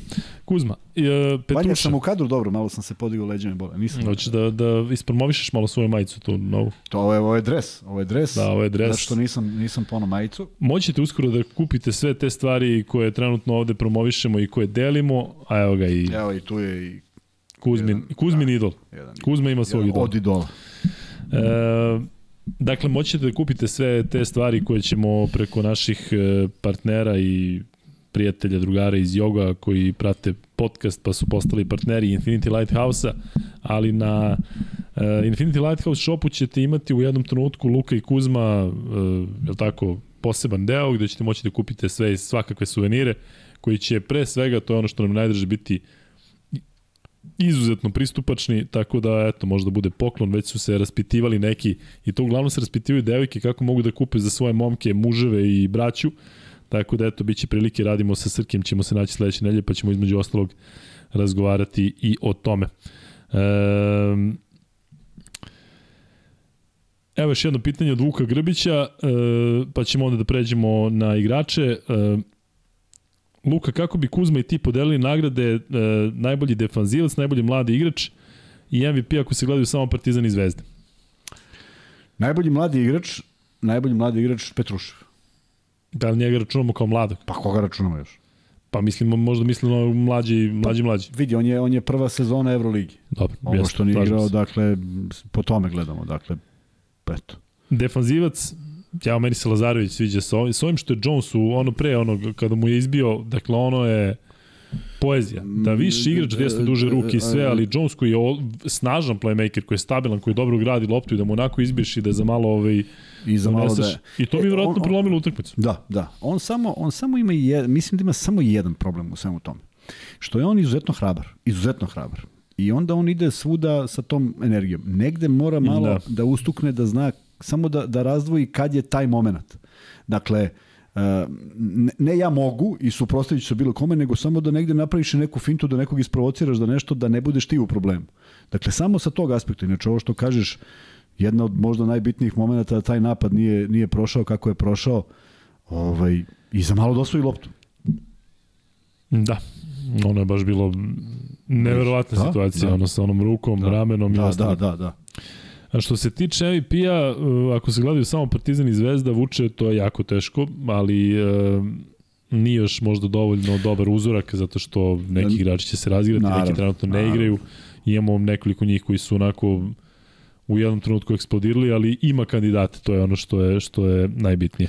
E, samo se vratim na ovo, na ovo što smo pročitali na Twitteru Kampaca, ali stvarno gledaš mu izraz lica ja mislim da on gori prosto da, da koliko se uželeo igre. I još vidi svoju ekipu gde verujem da je jako dobro primljen. I verujem da je on postao deo tima uh, samim svojim dolaskom. I, i, I gledaš ga koliko želi, vidiš nervozu na njegovom licu i da mu nije sve jedno i da verovatno skakuće tamo pored uh, u momentima kada se dešavaju određene stvari, a potpuno si nemoćan. A da što da nije fokus na ABA ligi, Kuzma? Ne? Pa što nije fokus na ABA ligi? Mi pričamo konkretno kako uh, dva puta... Fokus, pa dobro, pa on znači on će igrati da... jednu utakmicu nedeljno, to će biti u, u mnogo jači ritam Ma, nego što je igrao Znam, od ali ima želju, ima sezona. želju, pa prosto vidi kad, kad ti neko... Pa to je to, samo to, ništa više. Mogu da, da nije, naš, sad fokus. nije sad tako da sad išao ne igra i ne, ne može igra u punoj snazi, a nema da se pokaže. Samo, samo, samo govorimo o činjenici da on sada kad, sad, kad, kad, za tog mesta posmatra činjenicu da nema playmakera na terenu. Jeste, ali svejedno Zvezda je pobedila i ne treba sada, znaš... Ne, ne, ne, ne, ne mislim da je nervoza negativno, naprotiv, mislim samo želi da igra. Bukvalno o tome ovo što je kraj na krajnjem slučaju napisao. Najbolja stvar za Zvezdu je da se pobeđuje bez Kampace i Vildosa i onda kad njih dvojica dođu da se unapredi još više igre. I onda da kad to, se izgubi, onda da, shvatiš da je problem. Tako je, da, onda i, i onda kažeš... locirali smo, zoveš, locirali smo probleme. Zoveš evo ligu i kažeš možete da nam produžite e, ovo, da ponovno nam udarite kaznu. E, ovako. Kako?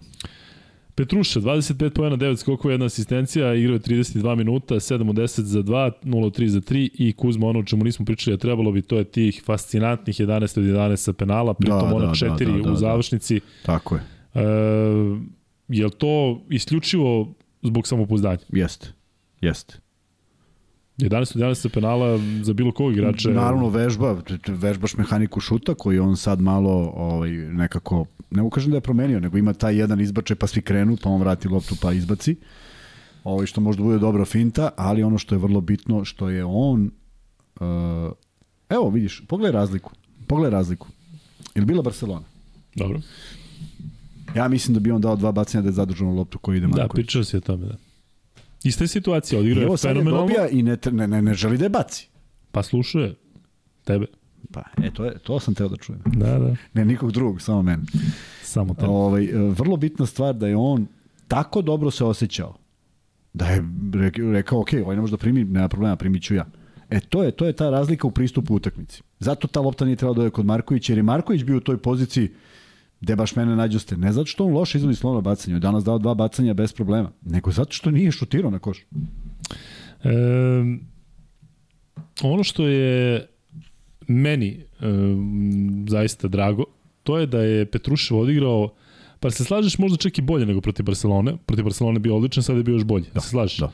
Ali to je usledilo nakon što su ga mnogi E, mnogi su upali u njega prstom da je tragičar protiv Barse zato što nije napravio faul na Mirotiću. E, to je najbolja reakcija. Kaže, je, desilo se, znaš da Ivanović sam rekao, Petrušev je trebalo da napravi faul. Tako je, tako dakle, direktno je tako rekao da je tako to. To je trebalo bude I onda je rekao, ok, pogrešio sam, ali idemo dalje, dalje. i sad ću da tako, da vodim I sad bolje. cepamo, ne mislim više o tome, jer definitivno tako danas nije mislio o tome. Kuzma, gde treba da bude uh, fokus Petruševa, naravno, ovoj sezoni, iz utakmice u utakmicu, ali uh, on je neko ko ima NBA potencijal. I mi često pričamo o Madaru, da je on draftovan i da se očekuje da u nekom trenutku možda ode u NBA ligu, da se tamo oproba, iako sam ja skeptičan, posebno u Bostonu koji je šampionski tim, znamo koliko je jak na beku. ali Petrušev sada već ima brojke i skreće pažnju na sebe kao neko ko bi eventualno mogao, možda već naredne sezone ili već kada da ode u NBA ligu. Ja se nadam da neće. Uopšte ili? Ne uopšte, samo da ostvari neke dobre stvari ovde. Dakle, ja da sam na njegovom mestu ova sezona ako prođe ovako kako, kako je najavljeno da će proći, sigurno još jednu, zbog iskustva, zbog uh, igranja sa mnogo starijim igračima od sebe, sa mnogo fizički jačim igračima, nije ovo njegov maksimum u nekom fizičkom dometu, on će se još razvijati. Prosto osetiti to i reći sebi napravio sam nešto. Jer vidi, ti si pričao o Jokiću. Da li će Jokić da završi karijeru jednog dana bez jednog trofeja? Teoretski moguće, jer se nalazi tamo gde postoji samo jedan trofej. Ali zamisli koliko je, na primjer, taj Bogdan Bogdanović čovjek koji kaže, ej, ja sam osvojio Euroligu. Znaš koliko je to lepa satisfakcija da si ti to uradio da si bio najbolji u Evropi? Kaži nešto. Pa razmišljam koliko to u stvari njima tamo znači. Kome njima? U NBA i u Amerikancima. Ne, njima ne znači ništa. Tebi znači. Ti kažeš ostvario sam nešto. Završio sam tu to poglavlje i da, da, postigao da, sam imaš, najviše što mogu. Sediš, sediš jednog dana i kažeš čekaj bre vidi ovde tu stoji taj pehar. Ti ciljaš na to da Petrušev sa Zvezdom osvaja Euroligu, pa onda može u NBA. Da proba naj, najviše što može. Ili da ostane u Euroligi negde gde, gde može to da se ostvari. Možda može i u Zvezdi, ja ne znam. Ali bilo, bilo mi žao da po nekoj logici stvari koje se tamo dešava, njega draftuje neko ko nema šanse da bude narednih 8 godina. Ok, 8 godina ti zarađuješ lep novac i možda igraš lepo, ali mora da imaš neka satisfakcija. A on mi sad deluje kao probuđen da on želi da bude sada da pokaže da je dobar, da je najbolji. Ljudi, manite se više, o, barem večeras, sa ovim dešavanjem u Gotovušom, u Gotovuši, dakle, da, taj e, duel Partizana i Zvezde. Ajde barem da pokušamo svi večeras da se ja ne znam kako sad to i Pa ne, ti, mene recimo u jednom komentaru prozivaju Zvezdaši kako likujem zato što je Kampaco igra samo ABA ligu, pa me onda prozivaju kako kažem da je Zvezda preozbiljna ekipa, to znači da Obradović i Partizan su neozbiljna ekipa. I ovo je posljednji put da komentarišem bilo šta, a znate koliko Vanček je... E, ima uh, laku ruku da banuje, tako da molim vas, ajde da se večeras uzdržimo, bit će prilike 27. derbi, pa ćemo onda imati uh, još jedan derbi u ABA ligi, pa ćemo imati finale, pa ćemo imati sigurno finale kupa između Zvezde i Partizana, pa ćemo imati onda ABA liga, šta će se dešavati u, u play-offu. Ne brinite, bit će Ima prilike dosta, za Zvezdu i za Partizan. Sve, Ajde da je. da budemo složni na Božić sa ovim dešavanjima na Kosovu. Tako I ako je. neko još ovde uh, pošalje neki negativan komentar, pecne Zvezdu zato što je Partizanovac ili obrnuto, e onda ovaj, Čeo bez pu, puštamo vanji, vanji, onda ste u vanjinoj, u vanjinim rukama. Uh, elem, uh, 2000 696 ljudi, 965 lajkova, 35 lajkova nas deli od e, narodnog free beta. To mi reci. E, I idemo dalje sa, sa igračima, dakle o Petruševu smo pričali, e, idemo na Nedovića 19 poena, jedna, jedan skok, šest asistencija. I eto Kuzma 2 od 7 za 3, to je napredak. Napredak i to je ona jedna ušla koja je prelomila da. sve, da. jeste. Ovaj, da, ali ono su bili teški šutevi, ono nisu opet izrađene pozicije, uh, nije bilo drastične reakcije ovaj Ivanovića zato što je Nedovića stigu umor jer nije lako prodirati protiv ovih igrača pa baš svaki put doći do koša, ali video si ona jednu laganu lepotu pokreta kad on oseti, oseti gde je rupa pa otrči i položi bez problema. Doduše zakasnila reakcija odbrane pa nije, nije, bilo, nije bio blok šuta, ali ono sve ostalo je posle proizvod uh, u krajnjem slučaju zamora ili nije manjeg otpora. Probam pa ako uđe u fenomenalno, ali nisu to bile, bile ideno dobre stvari i o tome je u stvari i pričao Ivanović za onih, kaže, praznih pet minuta četvrte četvrtine koju je Zvezda zaista imala. Kuzma, kako komentarišeš to što Duško Ivanović se brže nego ti presvuče iz onog sakoa uđe u onaj crveni duks? Si vidio koji ima isto? A, si vidio? Duks, kapa, pa da, ne bih, a ono... ne bih rekao da je brže od mene. Ne bi brže, ne bi rekao da brže tebe, dobro. A imamo novoga prijatelja na Paypalu, Sjajno. Pay drugara. Nenad Pantić nas pozdravlja iz sunčane Australije. Veliki pozdrav, Nenad. Fantastično. Uživate verovatno sada u teniskim čarolijama Đokovića u Adelaide i onda nadamo se u Melbourneu, tako da mislim da je lepo biti u Australiji u ovom trenutku, ako volite tenis, ako volite sport. E, Kuzma, ali reci kako je bilo dobro kada je Petruša osvojio Euroligu i onda otišao u NBA. Tako je, znaš kako je to onda bilo. Onda se pominju da je već osvojio sa Efesom, znaš. Ma da, što Šta je dobro? Ma nemoj, to nije ni došao na dodelu, ja mislim. Mislim da ga nisu zvali, ja? Da ga nisu zvali ili on ih nije teo dođi. Nije Ataman, to, nije Ataman to isti, pa nije to da isti osjećaj. E, da. E, Kuzma, sledeći igrač koji ćemo komentarisati, ajde u stvari još malo Nedoviću. E, ajde. Je li ima nešto što si vidio danas da je drugačije od onoga na što smo ne, navikli ne, od Neda ili... Ne, odlično. Ali koliko je stvarno sigurno rekao ono izjavi, kaže ne mogu da verujem da sam promašao slovno bacanje, ali bukvalno najiskrenije rekao, ha, ne, ne znam da li mi se desi. Ne znam šta mi je bilo, da. Da, da. Nevjerojatno koliko je Nedović napredovao, sećate se koliko je bilo kritika tokom leta za reprezentaciju i onda kada je imao probleme da se adaptira u onih prvih nekoliko utakmica u, u u Euroligi. Ognjen Dobrić 9 poena, 4 skoka, jedna asistencija, ali Kuzma taj ipak problematična odbrana. Lako je ispadao nekoliko puta Ko? to ne o, Dobrić. Jeste, jeste. Naravno što na kraju Jest, baš ispadne baš bode oči. Po, poprilično čudno, a treba da se napravi faul. Ne treba čak ni da se brani, treba da se napravi faul. Uh, međutim, imao je dobre svoje periode, pogodio neke bitne šuteve, ne mislim da je bio loš, ali to sigurno može bolje, jer on ima neograničenu energiju i samo malo malo fokusa, malo više fokusa. E, I evo ga, došao je taj moment. John Holland. Jel idemo sada? Jel Dve to, trojke. Jel imamo, imamo hiljadu? Dve trojke. Za redom. Jesu za redom? Holland, Koliko je bila jedna od pa, druge? blizu. Jo, kako se zove? E, Jeronim. Jeronimo Holland. John Holland. John Holland.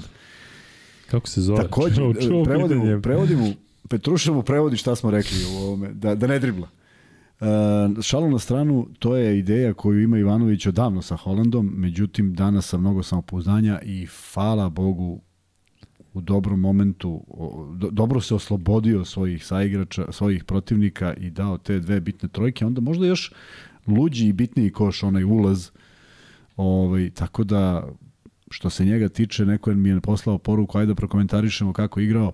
Faul na vreme, osvojena lopta, uhoćena lopta, 8 eh, poena, mislim da, da, da posle tih 7 protiv Barcelona ovo je druga najbolja utakmica i on definitivno mora da igra tako jednostavno. I uopšte nema problema kad igra jednostavno jer onda znaš na čemu si. Onda znaš koliko to može i šta može. Da je ušla ona treća, mislim da bismo ga još videli na parketu.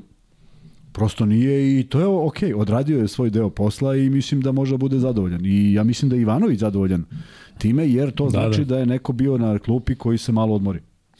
E, Jovan Janković je donirao, Jovan je hvala puno, Jovan je napisao free faku, to je postalo sad popularno, pa tako sa majicama. E, Marko Živković je donirao, Marko hvala i tebi puno. E, Kuzma, e, došli smo do 1000 lajkova, tako da je vreme za, za free, bet. bet. Pazi, mogu sada, raspoložen sam za free betove, bit će onako relativno jednostavni, ali evo ti biri. Da li Petrušev zaslužuje još jedan free bet ili hoćeš free bet uh, u vezi Holanda ili free bet u vezi Nedovića? Free bet u vezi Nedovića.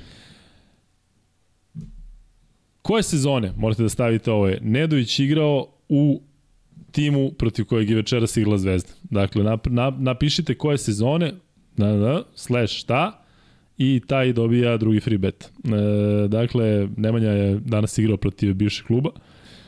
Proveo tamo jednu sezonu, koja je to bila sezona, ko napiše prvi, dobit će free bet. E, baš je lepo što smo malo, e, ajde da kažem, izbućkali sada ovo i što neće dobijati isti ljudi free bet. Dakle, Ilija, zna, znaš da te gotimo, Vuče takođe, sve vas koji ste onako redovni, ali morate razumeti da i drugi ljudi zaslužuju da dobiju free bet. Ja znam koja je to sezona, ali ću za svaki slučaj, zarad regularnosti free beta da proverim. E, To je dakle sezona Kuzma, ili ti možda se setiš koja? Ma gde ću ja da setim koja si luda? Sezona 2014-2015.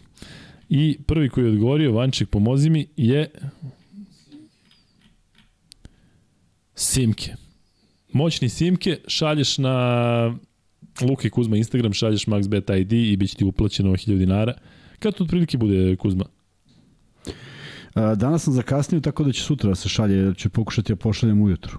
Dobro pošto je Božić, zato i kažem možda... Pa neko će morati da radi, ali Marku sam poslao dosta kasno ove dobitnike od juče i onda je rekao da će sutra ujutru, pa ću pokušati da pošaljem i ove. Kuzme, imam jedno teško pitanje, si spreman? Evo, ovde pitaju, da li je možda Kampaca ljutna upravu kluba i neće hteti produžiti ugovore, su ga doveli u situaciju da ne igra. E, Jesi spreman na teško pitanje? Mhm. Mm je to teško? Da li Kampacu treba da bude plaćen koliko je po ugovoru. Da. Potpisuje ugovor. Pa šta mu onda nije jasno? Kome? Pa Kampacu. Ja opet kažem, nije e, ABA Liga Keva, znam, nije, ali igraš, ipak znam, igraš, nije, nije da ne igraš. To, nije to, ja, ja na primjer Kampaca doživljavam onako kako izgleda kao nekog dečkića koji još hoće da igra košarku. A kad dođeš da igraš Sigurno da je košarku, takav Argentinac, a kad da nije igraš sporno. košarku, zami, ja mislim da bi, evo, ja, moja pretpostavka, moja pretpostavka, ne mogu da znam, a na primjer da neko kaže, lupam, ima 2 miliona. I on sad kaže, jel mogu ja da vratim 200, a da igram? Ja mislim da bi on to uradio, jer mu se igra. Jer Mislim da bi uradio, igra. da bi Iko uradio. Pa ja bi, nisam bio normalan, pa možda bi i nastavio. Ali to je nešto što kad želiš da igraš. I, i, i ako, a meni on deluje kad igra, da voli što igra. Nije sporno, ali Pa imaš neke Facundo igraju. Campazzo treba da ima istu reakciju kada se vrati, kao što je Zvezda imala danas protiv Valencije. Jel tako, uradili ste se to? E sad, kada se vrati na parket u Euroligi. Da, e da, sad ćete to da se vidite. slažem. Sad ćete znači, vidite Zvezda sve šta kako je znam. bila protiv Tako je. Valencije sa tim stavom, je. doći će taj prvi mart blizu, do tada možda osvojiš potencijalnu trofej u kupu, dakle da, da osvojiš trofej, možda da igraš meče u ABA ligi, pa eto, taj Vildosa je otprilike e, zbog povrede će pauzirati skoro koliko Kampacu zbog, zbog ove cele situacije, a pritom naravno Vildosa ne može da igra i u ABA ligu. Ja kažem, on nije kraj svet.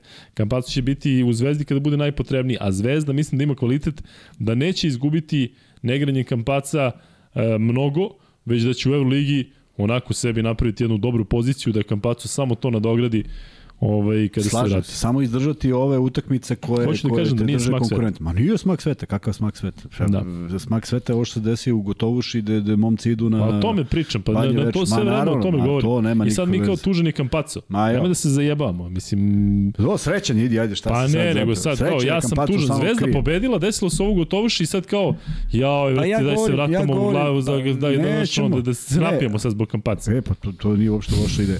Ali da ti Razumem kažem... te šta pričaš, Kuzma, Pa da, samo razumem. to, da, ništa više. Ali nema, nema malo drame. se menjaju nekako... Uh, vidi, sad, sad čitava, čitava to, to, to, to, to što se dešavalo Kampaca ovom pobedom izgubi taj intenzitet. Jasno. I sad svi navijači koji gledaju kažu, ej, vidi šta se uradilo, sad čekamo, sad ćemo napunimo pionir, sad će bude rušenje pionira, ali možda će Real da padne. I onda na tim krilima ne pričaš više o nekim drugim stvarima i one prolaze i dođu na svoje.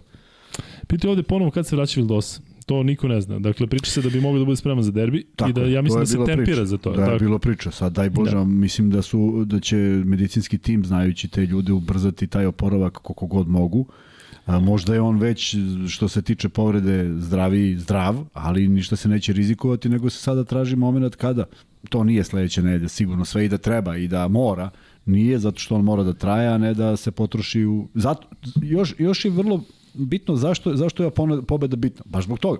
Što sad ne, ne, ne, nema ono moranje, neko mora da se vrati. Ti znaš koliko je Nedović ulazio, pa prvu utakmicu je pao, uvatio se za nogu i već su svi mislili da se ponovo povredio. Ne bi to trebalo Vildosi, ali ono što je dobra stvar u celoj toj priči, ako je preneta vest kako jeste, da nije ruptura mišića. Da. Jer to je ipak mnogo lakša povreda.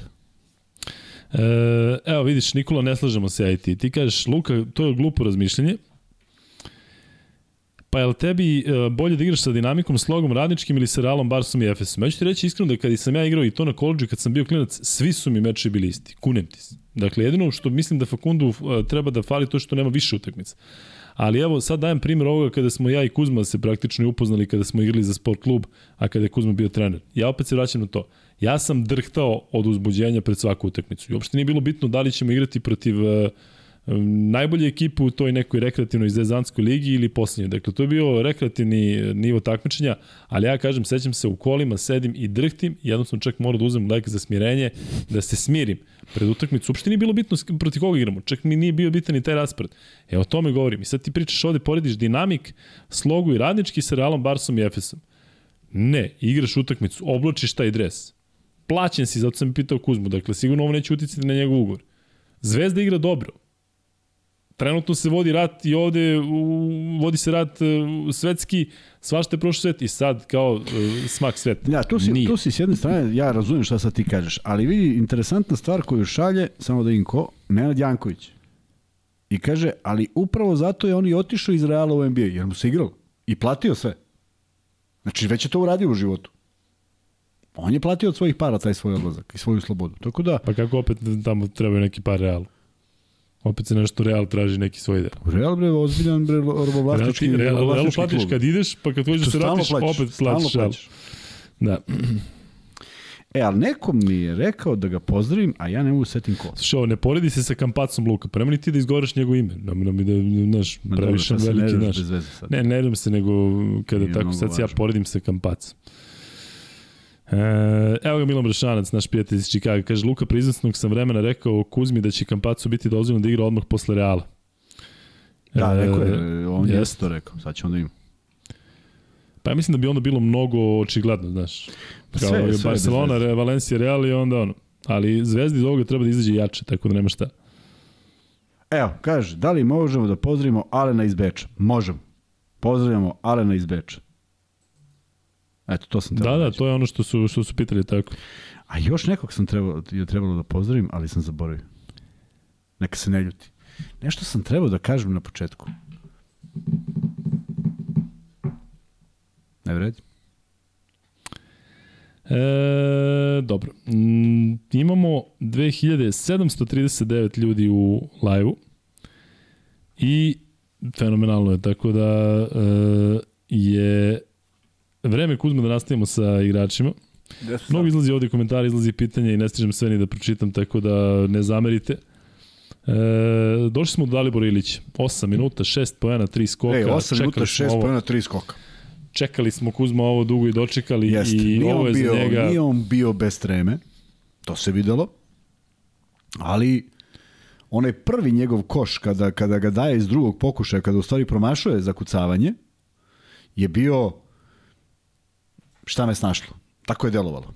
Onda zakucava, a onda u trećem, u, u drugom polovremenu prima loptu i kreće na zakucavanje iz okreta, što je fenomenalno ovaj, odrađeno. E, mora da popravi slobodna bacanja, to je jedini minus u celoj ovoj priči, ali tako, takav učinak bez ispadanja iz odbrani sa, sa vrlo čvrstim stavom, sa svim što se od njega tražilo, e, zaista divan debi, mogu to da kažem, e,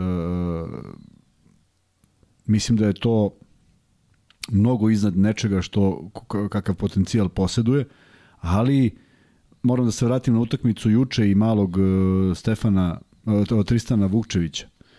Uh, ovo je ovo je isto Željko tražio od Tristana. Ovakav, ne 25 poena. Nema, to ne postoji.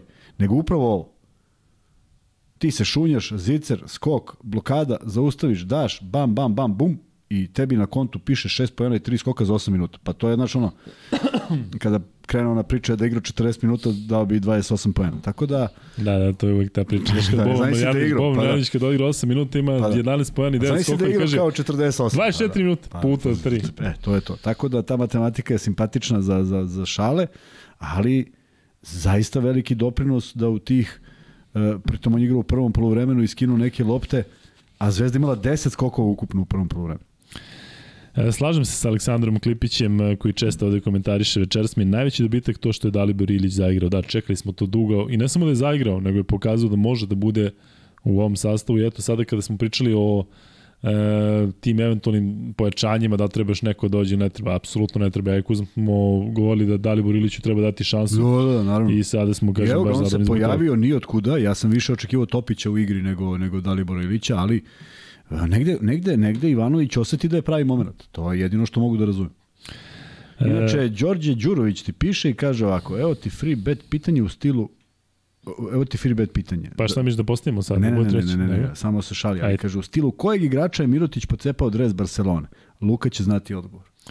Kojeg igrača? U, u stilu kojeg igrača je Mirotić pocepao dres Barcelone? I kaže, šali se, Luka će znati odgovor. Pa dobro, Ako toliko je menjalo, toliko je igrača ceplo dresa, imaš Miličić, Dončić. Ne, ali on kaže Gasol. da će ti znati. Spomeni ovo Luki, molim te da im njegovu reakciju. Znači ne znaš. Kako znači. se zove? Ko? Taj što Đorđe Đurović. Ne znam ko je to, ali ja sam cepao neke adrese i nešto. E, da, bilo je nešto, ne mogu se setim sada šta. Pojasni, recimo da pojasni, možda, možda smo zaboravili. E, Stefan Lazarević, Kuzma, 18 minuta, to je ono što mi se najviše dopada. Da, 3 ste... poena, 4 skoka, jedna asistencija, dao je trojku, šutno je dve. Dao je te dve su trojku. izgledale, njegove, te druge koje promašaju izgledale su kao one njegove kada onako malo tvrdo baci pa, pa je nesiguran, ali dao je jednu. Tako je i drugu se digo kad je Tako. bio moment, ne da on sad tu nešto razmišlja i da razmišlja Jest. šta ja sad treba da uradim. Nije to moment da on uzme trojku, ali je akcija takva da teško da može da se dođe u bolju poziciju od te. Šutno je da ovaj nije imao zaista fantastičan osjećaj da skine loptu s koša, lopta bi završila u košu. fantastično je reagovao, međutim, kod Lazarevića mi se dopada što se ne predaje, što je u odbrani uvek tu gde treba. Ispali su danas svi iz odbrane. Ako si primetio, to jest ako su gledalci primetili, Zvezda nije rotirala tako što je preuzimala igrače. Dolazila je dubi, dubina rotacije, visoki igrač je preuzimao visokog, oni su tražili na, na slaboj na strani pomoći nekoga. I ima onaj moment kada Pradilja daje koš, a svi stoje u reketu niko ne zna odakle je on došao. Tako da dešavaju se takve greške, ali na, ovu, na sreću Zvezde u ovoj utakmici ih je bilo zaista jedna ili dve u tim rotacijama. Sve ostalo je dobro pokriveno, a neko ko prednjači u tim zadacima je apsolutno Lazarević i opet za mene jedan od bitnijih faktora, pogotovo što u jednoj utakmici koja se igra u gostima on zasluži 18 minuta. Neću više da pričam o tome koliko, koliko znače takvi igrači na parketu i koliko jedan Ivanović zna šta dobija sa, sa tih 18 minuta. Da nije tako ne bi bio 18 minuta i to je vrlo prosto. Nije on tamo zato što nema kod igra. Da ima vas koji postavljate pitanje oko Topića u FNP-u i šta to znači za Zvezdu Kuzma na početku rečao, rekao da se nada Pričali da će to sada tome, nešto da... da ja se, vidjet ćemo, da, da li ima da nešto... Da se neko vraća možda ranije, da A, možda Darko ima neke informacije. Darko Milić, da, da, jeste. Da, da, da, da je rekao to u prenosu. Da, da si ti rekao u prenosu. Jeste, da. Da si u stilu Darka Ali to je bilo baš davno. Pre korone, da. Svaka čast. Eto. Svaka čast. Gledaut. Pamte ljudi, prenosi, ovdje su mi peckali što sam danas uh, Tomas i Tarik Black, Dešon Thomas i Tarik Black, ovaj, slični su i onda sam ih par puta promešao i sam rekao, bože šta mi je da mešamo u dvojicu, njih dvojice su na trenu, čuvaju se. Ali ovaj, očekivao sam danas ozbiljni meč ovaj, između Olimpijakos i Armani, ali pričat ćemo i o tome malo kasnije. Kuzma, da se vratimo na igrače Zvezde, sledeći je Branko Lazić, 3 poena, jedan skok, jedna asistencija, 19 minuta, jednu trojku je dao, nije šutirao za dva, onaj aut je malo onako, ajde da kažem, skrenuo pažnju. To je naj, najozbiljniji problem u celoj tako, Ali neće se vjerojatno dešavati više. Tako, ne, to odlično, je, što odlično. ti kažeš, što ti kažeš, uh, nije samo ni do njega, već što se nisu ponudili igrači u ovoj situaciji. Ima tu nešto da šta sad, kao ostaje sa, sa loptom da. u rukama i šta radi. Da, da. A, međutim, ovaj, ono, ono, ono u čemu je u čemu, čemu volim da gledam to je, to je taj moment kada ti imaš jednu situaciju gde Prepelić nikad nije sam. I sve šute koje uze, uze je jako teške. I to je njegova zasluga. I koliko je igrao? 19 minuta. 19 on, 18 Lazarević. Šta pričamo više? Nema tu sad. Sad dolazimo do igrača koje ljudi prilično ovde kritikuju u četu, Bentila i Marković, koji imaju prilično sličnu statistiku. Slušaj ovo, jedan i drugi su igrali 22 minuta, Duše Marković malo manje. E, Bentil 2 poena, Marković 2 poena. Obojica po 4 skoka. E, Bentil 2 asistencije, Marković 4 asistencije. I ono što ja mislim da ljudima u stvari najviše skrenulo pažnju, to je da su obojica imali e, dosta izgubljenih lopti po 3, najviše u Zvezdi. Jeste. E, mi smo pisali, odnosno vi ste ovde glasali o tome da li za Bentila treba imati strpljenja i uglavnom je, ste bili pozitivno okrenuti prema Bentilu da ga treba sačekati. Sećamo se da je na početku sezone zaista bio jedan od najboljih igrača Zvezde, duše kod drugog trena, kod potpuno, u potpuno drugačijim okolnostima. Ali eto, danas je on, Kuzma, eto, u nekoliko navrata prišao košu, tako, više nego ranije, je tako? Jeste. Ali opet... Mi ništa nismo videli. Nažalost. Ima onaj lep, lepo zagrađivanje kada se naslonio na igrača na početku utakmice, A onda ide sledeći onaj moment kad se on nalazi između dva visoka igrača i ne znaš da li su koraci, da li je pao na nos, da li je polomio stopalo. Baca Laziću loptu dva metra od njega. Neki neverovatan strah od čoveka. Onda ide onaj u drugom poluvremenu polu horu koji je toliko kratak ja, da vidiš na izbacivanju da on neće doći. Jedo do prvog obliča. Sva sreća vrati mu se lopta da, ruke, da, da. Lazarević je izbio. Prema tome, ne, neobjašnjivo je da, i pritom provodi vreme na parketu. Koliko on igra? I on, to je ono što kažem, i on i Lazarević su igli po 22 minuta. Pa te, I on i Marković. Čoveč. Znači, od Lazarević, od Markovića ne očekujem da bude koš geter koji će da... Ali ti imaš prostora i to imaš dosta prostora. Pa moraš da rešiš to. Ono što mi se dopalo, što je dobio direktivu da se ne štedi i da pravi faulove, i sad smejali su se, šalju mi ljudi u programu, kaže, ja kažem odličan faul, Bentila četvrti, I sad ljudi se smeju, misle da se ja šalim na to. Ne, stvarno mislim da je bez obzira što je četvrti dobar jer nema koša. Na stranu što će on verovatno ranije da izađe. Ali e, on otvara utakmicu namernim faulom.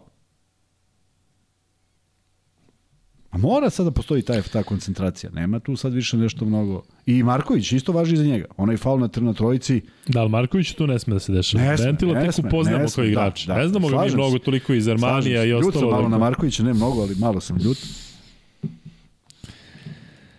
E, dobro, došli smo još do poslednjeg igrača Crvene zvezde, Kuzma, to je e, Luka Mitrović, on je danas nešto bio e, slabiji, ali reci mi, je li Petrušev kada igra dobro, je to na račun Mitrovića? Je li moguće da njih dvojica, da kad Petrušev Mogu, ovako odigra mogu. da im Mitrović uradi nešto pozitivno na terenu? Mogu. Da li Mitrović može sa Petruševim? Ne da li može, nego kad Petrušev odigra ovako van serijski. Je li ima tu prostora i da Mitrović uradi nešto dobro za tim? Ja mislim da da. Ja mislim da on čovjek uopšte ne razmišlja o tome. Ne ja da mislim- razmišlja, nego da li ima prostora, kad No, ima. Petrušev sve ispokriva i u odbrani, u napadu, gde ovaj, je, gde je ovaj? Jel ovaj 22, ovaj 4, nema problema. Mitrović danas uh, sa jednim šutem za dva, za 14 minuta, četiri skoka, ali dešava se. Ako je neko pouzdan se, u ekipi se. Zvezde, to Nije Luka bilo Mitrović. prostora, nije bilo prostora, odradio Tako je je. dobar deo u defanzivi. Prosto, i sad vidi, ti moraš da prepoznaš kao igrač. Šta sad? Zamisli kao Petrušev se nudi dole na centru, a ti utrčiš kao, e sad malo ja. Pa ne ide to tako, prosto prepoznaš da to može. Uh, ušao je u problem sa faulovima vrlo brzo. I dobar komentar mog druga Neše Andrića koji gleda ovaj, i naše podcaste i, i, i gleda utakmice, ovaj, kaže kada sudija dune faul visokom igraču u borbi za poziciju sa niskim, treba ga odstraniti iz košarke. I sad pazi, tebi je znači apsolutno dozvoljeno sve. Ti držiš tog čoveka, ti se boriš za poziciju, ti ga guraš, a on kad to uradi u negde u prirodnom njegovom ovaj položaju, to ispada faul u napadu. Tako da potpuno podržavam to što je rekao i ovaj nije bilo takvih faulova i ono što je vrlo bitno, seti se momenta kada se čeka Petrušev isto sa niskim, koji mu igra licem prema njemu. I Nedović trpljivo čeka, dobija Petrušev loptu, daje onu vrlo mekanu, 22 sekunde je trajao napad. Petrušev je to izbacio 2 sekunde do kraja, što je negde, kako bih ti rekao, ne prija to odbrani, jer su 22 sekunde radili Da. nešto da bi se desilo ništa. E, ljudi, svaka čast na svemu, gledanost, e, lajkovi, sve je fenomenalno, tako da nemamo zaista šta da vam zamerimo. Kuzmeš malo ako hoćeš da prokomentarišeš tim Valencija, ili smo videli nešto večera što nismo Ne, znali, ne ovaj bih- Jones, nemam- nemam Harper, Pradilja, nešto da, ekipa. ovaj- Kako komentarišeš ovog Rivera? I za početak zanima me kako komentarišeš njegovu frizuru. Ja mislim da bi Euroliga ne trebalo više da se da, pozabavi mora, mora frizurama. neka zabrana. Mora. Tako je, kad već govorimo o pravilnici. I, i, do, i da košarku onda gledaju deca od 18 godina, do 18 da bude zabranjeno. Da. Nisi sin kaže, tata ja bi ovako frizuru. I šta ja da radim? Šta ja da radim? Moram ga ošišam tako. Šalu na stranu, ovaj, ne bih mnogo nešto o, o Valenciji, hoću o činjenici opet koja se, koja, koju vole da, da, da potenciraju navijači Zvezde i ja se donekle slažem. A, koga smo danas videli od stranaca na parketu? Ventilovih 8 i Ventilova 2 i Holandovih 8. Da, ali mislim da zato ljudima i bodu oči uh, Bentil, Holland i Mas Martin koji trenutno ne igra. Dakle, njih trojicu sada da skloniš i da ih otpustiš ili da ih nema. Tako je. Zvezda ne gubi, Tako je. E, to je ne problem. gubi mnogo, a možda ne gubi ništa. To je problem. Kako bi što je problem? To je problem zato što si ti koncipirao ekipu na tome da si te ljude doveo da bi pravili razliku. Pa za nije super ispalo. Pa super, ispalo, ali ti potrošio mnogo para. To znači da moraš sledeći put da razmisliš malo. Šta imaš, šta hoćeš, šta oni donose. Uh, a, pitanje je kad se Martin vraća. Nemam pojma, ja uopšte ne znam ozbiljnost Da njegove povrede, da li se uopšte vraća. Ali činjenica je da, da, da Zvezda igra uh, uh, uh, sasvim dobro, kao što je i prošle godine igrala sa samo tri igrača, koji opet nisu bili. Vajta dugo nije bilo pa su igrali dovoljno dobru košarku. Dakle, ono što ja volim da kažem, malo više poverenja u te igrače. Slažem se da Lazarević nikad neće biti igrač koji će predvodi ekipu sa uh, šutom 15 šuteva iz igre. Neće, on čovjek neće uzeti 15 šuteva sve da može. Ali ja opet kažem, ja bih volio da ga vidim da više šuta. Volio bi ja da ga Mislim vidim. da- nego, da može, nego, nego mislim mora da da, ima. nađe, mora da se izbori za svoju za minutažu i poverenje je Zato što smo mi pričali o nekim igračima Partizana poput Trifunovića, Vukčevića i ostalih koji treba kroz odbranu da zarade možda svoj neki je, napadu. on je zaradio, Pa što ne bi da. Lazarević recimo, on, on je odavno zaradio. Pa, Ali vidiš, on se snalazi, on se snalazi u tim prljavim poslovima. Pa kad skine tri lopte, on da šest poena. I nikom ih nije napravio, sam ih je napravio i sav srećan što ih je sam Dakle. napravio, bude ponosan na sebe, a trener kaže, čoveče, skinuo si tri lopte. E, vidi, tu bi, tu bi bilo lepo da se dele neke nagrade, kakve god, na primjer bombone, sam ne mora financije. I onda Lazarević dobio 20 bombona, dobio najviše bombona jer se sam izborio za svoje poene. To, to su ljudi znali da cene. I to su vrlo bitni momenti u samoj utakmici. Koliko su bitni talenat i raskošni potezi Vildose, toliko je bitno i da neko skine tu loptu i da da koš. E, dobro. Da, jeste, kada uzmeš u obzir tu i Adamsa, zaista što se tiče stranaca, Zvezda je ozbiljno da. ispromašivala uh, na početku sezona, odnosno tokom Ima još sezona. vremena, ima još vremena. I ima vremena da se neko popravi, ali uh, kostur ekipe i generalno potpuno drugačije. Potpuno drugačije. Da. E, ajdemo da napravimo dogovor, pošto ovo sa tim lajkovima je bar zanimljivo. Dakle, ako dođemo do, sad trenutno smo na 1100 lajkova, ako dođemo do 1500, odnosno kada dođemo do 1500, ispucat ćemo i treći free bet. Kuzmo, vreme je da pričamo o onome što čeka Zvezdu u narodnom periodu. Za početak, dakle, ide ta utakmica protiv MZT-a, to što, kao što si rekao, ne treba da, da bude bilo šta problematično, ali će Ivanović pre svih shvatiti tu utakmicu ozbiljno, ali tako? I Zvezda protiv MZT igra u Skoplju, e, trebalo bi već sutra, je to moguće Kuzma? Pošto smo ušli u sedmi, Dakle, Zvezda igra u Skoplju u nedelju u 17. Meni jedino ovde ako nešto nisu pomerili. Da, u nedelju, pa ne Nema može utorak, ne može, ne može. Oni, da. oni idu čarterom, sutra putuju za Skoplje. Iz Valencije. Iz Valencije. To je ono što smo pričali, smo se šali. Kako ćeš iz Valencije za Skoplje? Ne, nisam Tako... se šalio, to sam ja stvarno čuo da idu. Da ja, idu ti sam što... pitao kako ćeš iz Valencije za Skoplje. Pa sam ja, pa mislim da smo rekli valjda čarterom. E, moguće, moguće. Zato što sam tu potvrdu dobio iz prostog razloga što me jedan navijač pitao kako može da se putuje kada Zvezda ide čarterom, pošto obično popune avion. I ispostavlja se da ovaj nisu mogli iz prostog razloga što ne lete za Beograd. Ne možeš ga sad vodiš u Skoplje. Jeste, šta će vam?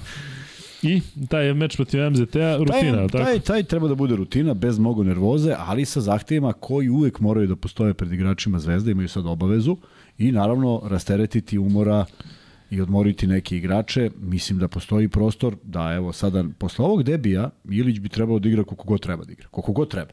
Potpuno nevažno. Bentil mi moramo pokaže nešto. Bez obzira što igrao dosta tih 22 minuta. Treba da igraš 22 zbog svoje sigurnosti. Holland apsolutno treba da odigra. Isto ovako jednostavno. Biće mu sigurno lakše da se oslobodi igrača MZT-a. Realno trebalo bi da bude lakše. Neka se ispromašuje, neka se išutira, neka se ispogađa neka da 20, neka, neka uđe u neku seriju, pa to će biti dragocena stvar. Tako da ima tu mnogo prostora ko je tu igrao malo i ko može više, a opet s druge strane mislim da Nedović nije potreban za takvu pobedu. Osim ako Ivanović ne želi da uigra neke nove stvari pa da se nešto to provežba, onda je svaka utakmica dobrodošla za to, makar tih desetak, 15 minuta. Da, evo kada sam govorio o tome da Kampaco treba da se fokusira na ABA ligu ili nema našto drugo da se fokusira što se tiče mečeva, Zvezda posle MZT-a ima dve utakmice, to znaš ko je, Kuzma? Mislim da Olimpija.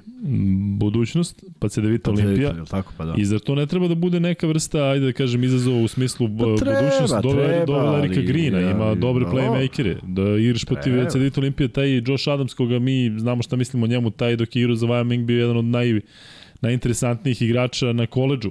Pa imaš Jogija Ferela koji ima uspešniju NBA karijeru od, od Kampaca, relativno. E, ali u svakom slučaju e, biće zanimljivo Zvezdi. Ajde da kažem, ovo je poslednji taj meč za koji se podrazumeva da će dobiti lako u narodnom periodu u ABA ligi. Se slažeš Kuzma? Da, Tako da, dolazi da, serija utakmica koja će tu iziskivati, je. iako je, na primjer, veliki šok poraz budućnosti. Jeste, kako ne. Potpuno, potpuno Protiv onakvog splita da, koji smo da, gledali. Da. Ali dobro. E, Zvezda će u naredna dva kola igrati kod kuće, to verovatno svi znate, raspredate karte, tako Kuzma i za Real i za Bio sam danas da karte, bilo je 100 ljudi tamo u, u, u, u ovome u ušću. I vrlo interesantno. Ovaj, za Real je bilo sve raspredato, a uspeo sam da nađem dve za za Monako. I ti to... kakav je Kuzma car, sa svim svojim vezama, sa svim svojim ne, backgroundom, ne, ne, ne, on čovjek stane u red i, i uzima karte za Monako. I sad, ne, neviđena scena. Stojim, na, sledeći sam na redu. I zvoni telefon, moj drug živa. I srećan badnji dan, srećan badnji dan. Da, ne, da nema slučajno dve karte. Ja stojim, ja kažem, vidi, sad ću da pitam, ja uopšte nisam došao da kupim karte za Monako. A živa navijač zvezda? Živa, živa za nekom mu došao pa hoće da vodi dete, tako nešto, divan tip, pa hoće nekom da učini sada. I sad ne znam kako bi on došao do karata kad je ušao na ono već bilo za Real sve rasprodato. I ja pitam ovu izuzetno ljubaznu ženu tamo koja radi, koja ti čak i učini, ej ti pitaš gde je taj sektor, ona ti pronađe gde Da imate neko dve za tribine, kaže ima za A. Je to ona zvezdina tribina. I kupim dve za A i sav sam srećan. Koliko su karte? Sme da se zna. Četiri i po je VIP, 3,5 je plava loža, ne pite me da je plava loža, pretpostavljam iza, iza, iza, ovaj, iza klupa. Bela je valjda na suprotnoj strani, a tribina je 1000 dinara. A court side se ne prode? On je, on je odavno otišao i on je vjerojatno i najskuplji. Da. To ne znam koliko je. Dobro. E, Kuzma, e, malo samo prokomentariše, dakle, ekipe Real i Monaco, rekli smo na početku, dakle, jedna pobeda bi tu verovatno bila zadovoljavajuća. Jedna je kuća, a po rastu apetiti ako se pobedi Real, mislim da neće biti lako, ali imaš jedan veliki motiv, opet taj Nedović, da pokaže kraljevskom klubu ko je, taj jedan Petrušev da kaže ja postojim, ti neki američki igrači koji nikad ne znaš da ih vodi dalja karijera, uh, uvek su te iz, utakmice izazovi koji, koji ovaj, koje ne treba propustiti. Uh, svi ovi igrači koje smo spomenuli, Marković, Lazić, imaju izazov da igraju protiv možda jednog od najboljih timova u poslednjoj dekadi. To su igrači koji igraju i hahaj. Igraju... Koliko god ja, izvini, govorio da Kampaco treba da se fokusira, ali nekako moraš da razmisliš kako, i da zamisliš kako bi Kampaco igrao protiv svog da, Je, upravo to. Tako da ovim igračima postoji izazov da taj ljulj koji je dobro čuvan u Beogradu i koji nije bio u nekoj strašnoj formi nije ni dalje. bude sačuvan dobro i tako dalje. Prema tome, to su bitni momenti da ti stvarno testiraš sebe za neke vanserijske mogućnosti. Biće tu velika potrošnja. I pitanje je koliko si sposoban za četvrtak, ali to nose svi. I Monako će imati dve utakmice pa će se u nekoj više ili manje potrošiti. E, problem što koji postoji to je posle kako god da se završi utakmica protiv Reala, ja mislim da Zvezda može da odigra još jednu dobru utakmicu, imaš jako malo vremena da spremiš nešto. Tako da ako je, kako je Zvezda gledala utakmicu Partizan Monako mogla bi da vidi kako iznervirati i šta uraditi sa Jamesom i terati ga da se oslobodi lopte i pustiti da svi ostali nešto rade, ali da on ne radi i videti kako Monako ulazi u nervozu kada dolazi kraj utakmice. Govorimo napred, pošto ćemo u ponedljak pričati o tom meču, ali meni se čini Priču, da će da. Petruša imati veliku prednost protiv Tavaresa koji će ga verovatno čuvati, zato što može da pogodi trojku a Tavares ako izvučeš uh, iz reketa, to tako, je onda to je ozbiljna stvar, e, posebno e, za ovih igrača e, koji prodaju. Tako je, ali tu, tu, tu i sad dolazi do izrazaja Mitrović. Ako, ako bude tako čuvanje, a šta Bentil treba da uradi? Da šutira? Pa sad je moment da ti tako. sa svojim gabaritom uđeš i daš neki lakoš. Prema tome, nekoga će Tavares morati da čuva. E, bojim se, može da se desi da bude i na Mitroviću. Zašto će onda mnogo biti ovaj, povučeni. Tu bi trebalo praviti nekakve kretnje, pokušati da zamene ljude, da ga izvučeš. Ali mislim da Petrušev trenutno ima mogućnosti i samopouzdanje da koga god ga čuva da on uh, ima, ima prednost. Mis, možda se, da iskoristi u pravu, ali Tavares je preogroman zaista sve ovo što je danas Petrušev u nekom polu horugu rešavao, to Neće mora da ide drugom putanjom. To mora da ide mnogo više sa mnogo više skoka. On ima dobar osjećaj, samo mora da oceni jer vrlo redko pari, sparinguješ sa takvim igračima. Da. Uh, jedna, jedna anegdota, Slavko Vraneška igra u budućnosti. Zaista, neverovatno veliki. I Tavares je mali za njega. I ja bežim u kontru, igramo neki trening utakmicu, ja bežim u kontru i vidim ga da me juri. I sad neću da idem na polaganje, zato što postoji bojazan da se on stvarno zaleti i da skoči. Ja odskočim dva koraka u levo i namestim je na tablu. Onaj šut koji ne postoji više. I on skoči i dohvati loptu. Znaš gde je on bio? On je meni bio, tek ulazi u kadar i on pruži ruku i zakači mi loptu u putanji, ona dobije još luđu putanju, ode gore, udari u tablu i uđe u koš. Ušla bi svakako jer znam da sam dobro izbacio, ali sam stajao frapiran odakle je on doletao. Tako i Tavares. A ti nemaš osjećaj kad igraš sa... Pa verovatno i još drastičnije nego Vraniš. Nije, ovo je 2.32. Nije, e, ovaj, ovaj u startu je već nenormalno da, ovo je pokretni. Jeste pokretni, pokretni ali kad digne ruku ne vidiš, ne vidiš nebo. Da. E, vaš podcast je reinkarnacija emisije Indirekt Marka Markovića. Ako tako kažu, mm. meni je drago, ja sam volao tu emisiju. Da. Je to bio kutak za sporni trenutak? Jeste, jeste, jeste. Kutak za sporni trenutak. Pa da, kod nas, kod nas bi to bilo, ja mislim da bismo imali kutke za sporne trenutke, a? S obzirom na to da ima toliko spornih trenutaka. Trenutke. Koliko god hoćete. E, ajde da prokomentarišemo utakmice koje su odigrane danas ajde, i onda da, ćemo da, da malo pričamo o Partizanu šta Partizan čeka da. u ABA ligi i onda ćemo još zaista kratko o NBA ligi i onda ćemo da vas pustimo da spavate i mi ćemo da se malo ovaj, odmorimo i u ponedljak se opet družimo u redovnom podcastu od 9. Ko hoće da gleda australijsku košarku, sutra u 9.30. To sam teo iz da gleda, sam dobio nešto. Ko hoće da gleda tursku odbojku u 12, može taj, to. Taj može, naravno. I e, Kuzma, večeras meč koji je e, bio možda najzanimljiviji, pored ovog koji je odigla Zvezda, Efes Asvel, 78-72, Asvel koji je vodio Da, vodio da, celu utakmicu. 35. minuta i onda Efes u završnici zaista odigrao sjajno. Jeste. E, Efes oscilira, Efes ima svoje probleme, ali Efes je evo izvukao jednu pobedu. Pobedu koju recimo nije izvukla Barcelona protiv Asvela u sličnoj utakmici. I ja mislim da će Efes biti opasan, posebno sada kada se Singleton vratio, tako da Efes su svi oni koji su podcenjivali i rekli jeste, slažemo se, otišli su Simon, da, vrlo može da se otišli su desi. neki tako bitni igrači, tako je. ali nekako se tamo slažu kockice i vidjet ćemo u kom pravcu će to ići. Kako ti komentariš? Tako je, ali da vidimo kako izgleda Singleton. Znaš, ima tih mnogo povrataka koji nisu rodili plodom, pa on malo uspori, pa bude nešto drugačiji. Sad koliko se on uklapa i sve to. E, žao mi što nisam gledao utakmicu, volio bi da vidim taj odnos Klajburna i, i ovaj, Micića. Ne znam kako su odigrali obojice, znam da je Micić, Micić preokrenuo, ali nešto za Klajburna nisam čuo da je baš bilo kako treba. Ne, dobro je, on je u toj završnici isto nešto isto, iz kontre e. postizao, Do, tako da... volio bi da okej. pogledam, e, Larkina nema. E, ja ga nisam video ono što sam malo A, da. odgledao. Ništa, tu se tu se Efes ponovo spasao jedne Klajburn 15 pojena, Micić 22 20, pojena. ne, dobro. Zato što ovaj, opet, se, opet se spasao jedne nesigurne utakmice, Asfel igra dosta nepredvidivo, prosto nekad ne znaš šta da očekuješ, a ipak imaju tog dekoloa koji je ovaj, možda i najbitniji igrač u toj ekipi, međutim nemaju snage, nemaju oni koncentracije i dovoljno dobrih rešenja, tako da bi mi bilo veće iznenađenje pobeda Asfela nego što se Efes vratio u život.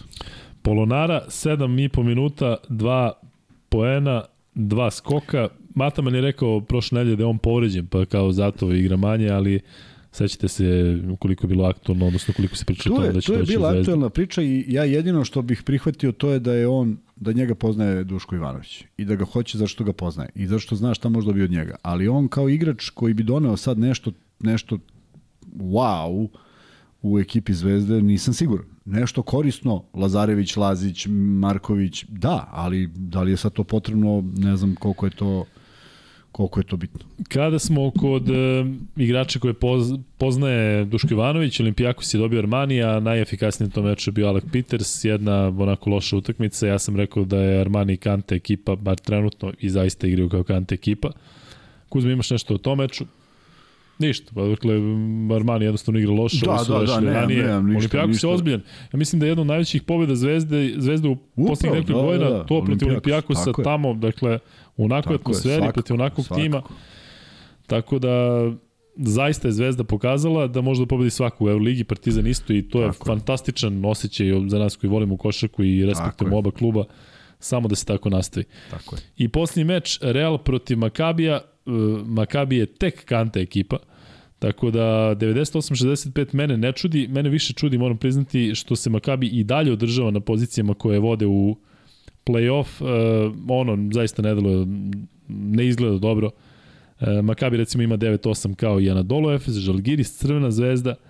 Tako da će, ja mislim da će oni uh, lagano da ispadnu iz te borbe za play-off, odnosno da neće biti u play-offu sigurno koliko će se boriti Vidjet ćemo i eto, ajde da kažemo da je to jedno upražnjeno mesto i za Žalgiris mislim da će u jednom trenutku morati da, da popusti. Da, da, mnogo je to naporno i troše se mnogo, a, a imaju problema i sad, sad već imaju ovaj, i personalnih problema, s obzirom da Evans Da, da, da, otišao, ali su našli zamenu, pitanje je kako to može da se uklopi, Koga nije to našli? baš tako. Nisam. Napisali su nešto, ali ja sam zaboravio. Hoćeš da vidim? Pa pogledaj.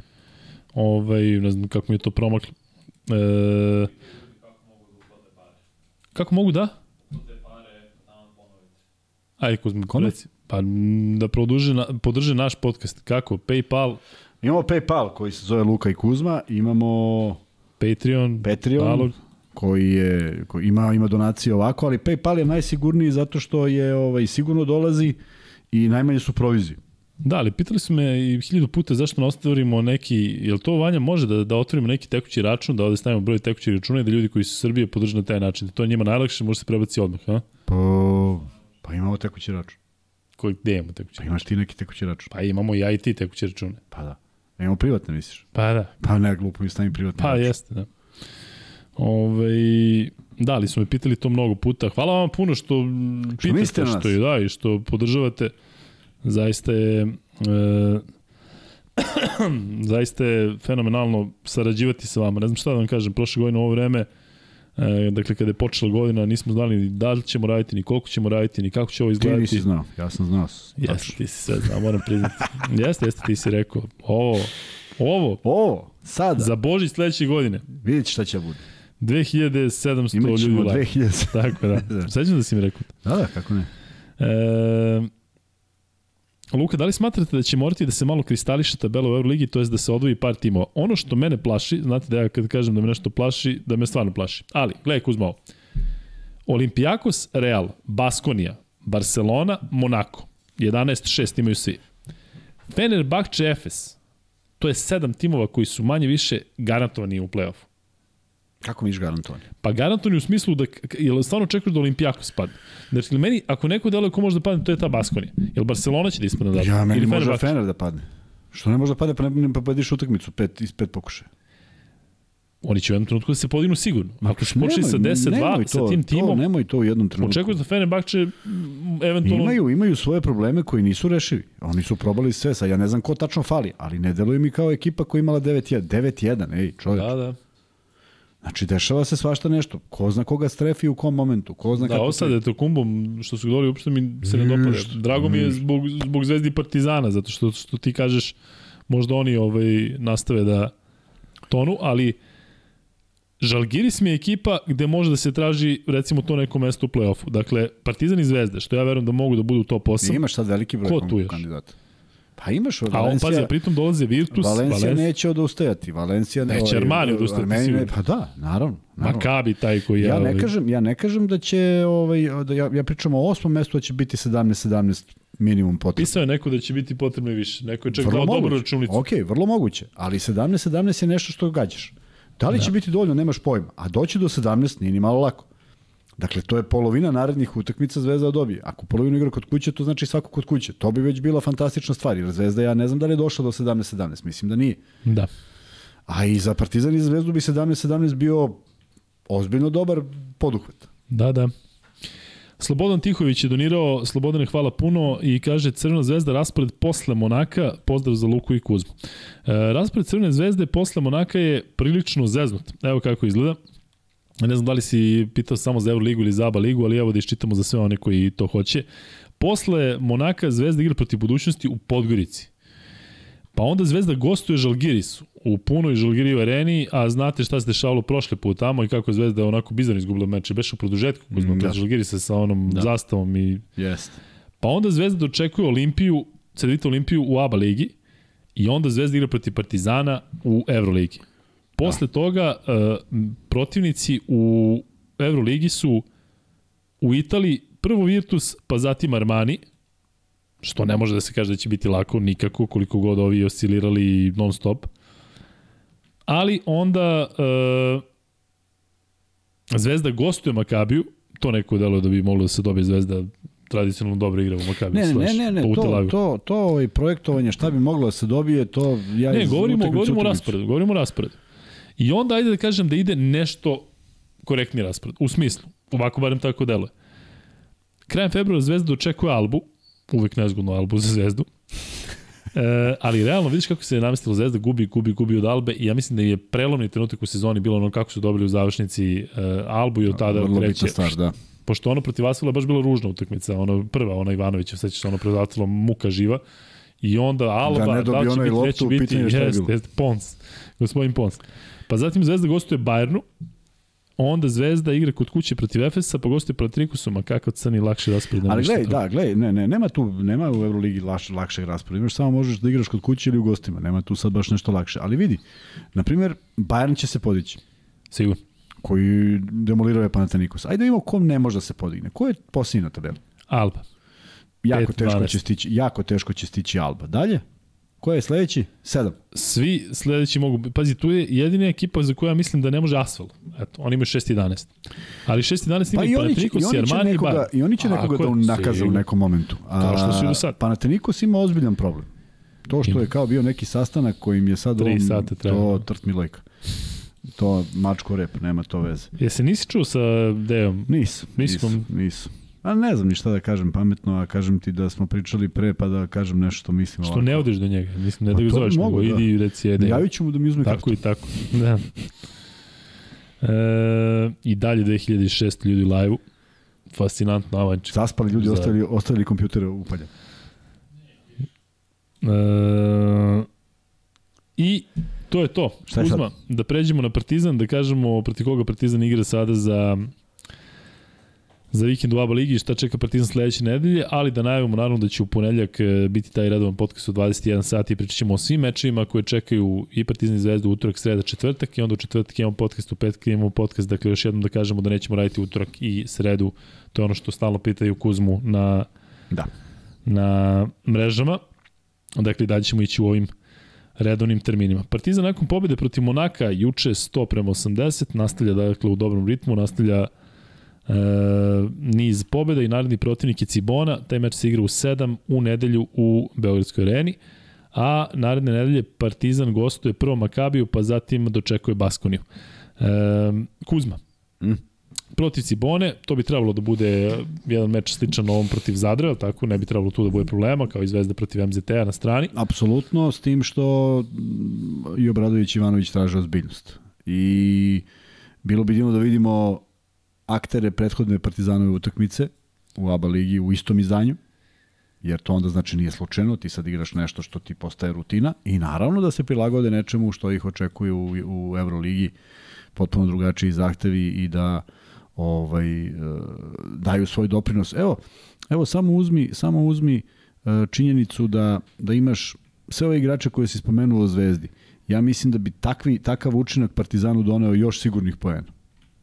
Ipak se ipak se nekako uh, svodi na manji broj igrača u Partizanu. A ja bih volio da vidimo Trifunovića i da vidimo Smajlagića u mnogo boljem izdanju i da vidimo Avramovića koji ima sav svoj problem zbog ruke i sve to, ali to su, to su 3, 4, 5, 6, 2 skoka, 3 estencije, znaš ti koliko to zbirno sigurnosti daje ekipi kada ti možeš da računaš na nekoga. Prema tome, prilika za Partizan da isti ovi igrači po, pokažu koliko znaju, da se neki oslobode malo blokade kao što je Avramović da odigra neku utakmicu koju može da izdrži bez problema i da budu konkurentni u Euroligi.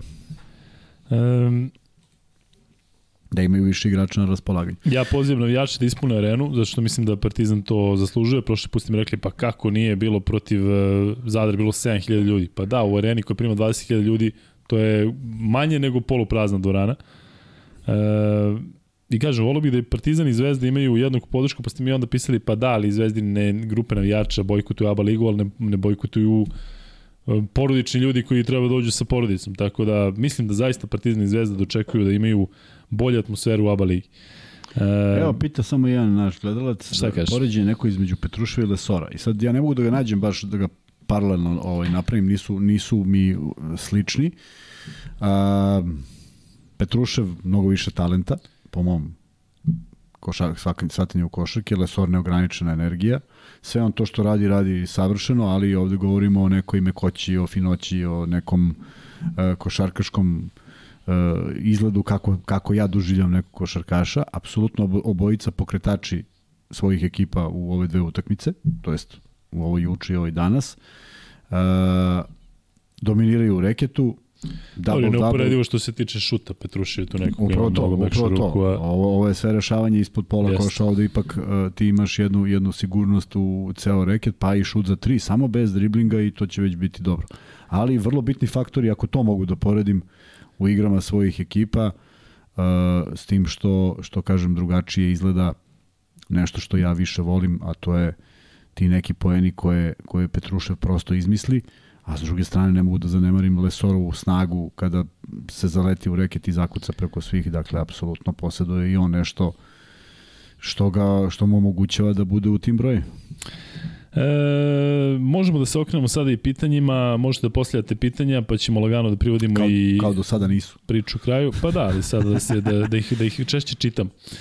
E, koliko se iskreno isplati Partizanu igranje u areni u ABA ligi, mislim u finansijskom smislu? Pa to je ono čemu ja pričam, dakle, samo ove karte koje su kupljene u ove godišnje karte, da svi sa godišnjim kartama dođu, bilo bi više navijača nego što inače. Pita me ovde Leksa, Leksa zabrinuo sam se, neko vreme te nije bilo ili te nisam vidio ovde, a znam da si ti sa nama od samog početka.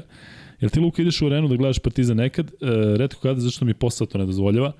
Zato što uglavnom su to termini kada radim. I evo primjer radi u nedelju u 8 prenosim Izraelca, Partizan igra u nedelju u 7. Ali, drugari neki su mi, običao sam im da ćemo ići, pa možda dođemo recimo na prvo polovreme ili bar na prvu četvrtinu. E, bojkotuje Saba po stoti put Luka. Šta bojkotuje? Evo, e, to je e, pisao i ranije ovaj da se da e, bojkotuje, a zvezdini navijači bojkotuju Abu. Koliko ima navijača e, zvezda u Srbiji? Ima 2 miliona. Svi bojkotuju Abu? Ne. Bo, bo, pojedine navijačke grupe bojkotuju i ne dolaze, je tako? Nemam pojma. Ali Čale koji ima troje dece i ima, ne znam šta, slobodan dan ili on bojkot isto. Ne, ne nego mu je zanimljivije da dođe na Euroligu zato što je ta, da se svi vide na Euroligi. I meni, ja verovatno i tebi, svi traže karte za Euroligu, tako? Da, ti traži neko zabuka, u, jel imaš možda nešto besplatno da se ne, uđe na Euroligu? Ne. A nije jasno zašto, isti igrači, isto sve koliko god Euroliga bila kvalitetnija, sve super, nije sporno, samo kažem da e, da, da, da da bi bilo bolje da bude atmosfera još bolje tamo. E, neće Frežu u Žalgiris, potpisali su Taylora.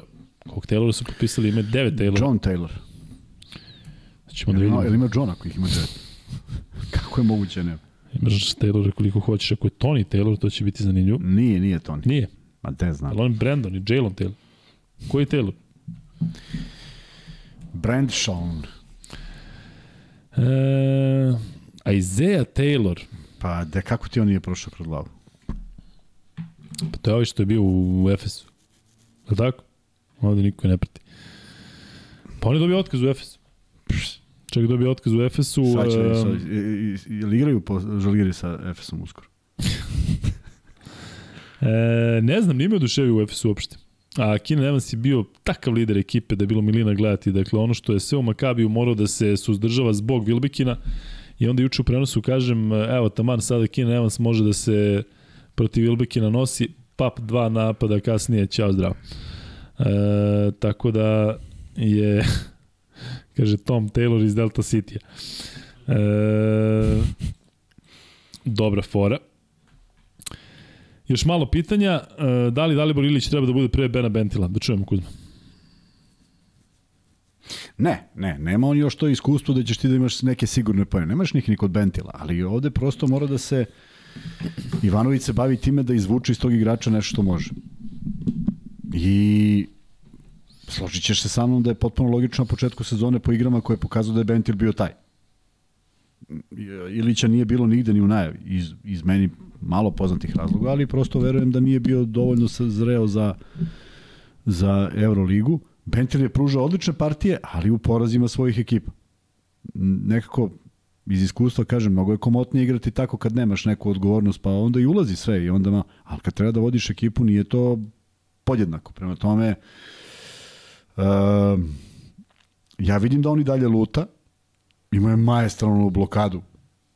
Odakle je stigo čoveka i zalepio loptu na tablu.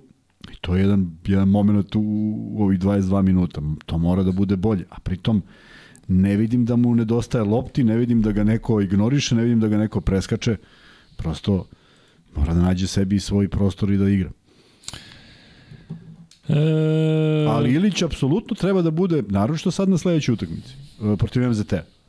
Ali Real je, na primjer, nešto što Ilić još nije iskusio. Uh, mislim da je Valencija ipak drugačije koncipirana ekipa nego, nego Real i iskustvo koje imaju igrači Real. Šta?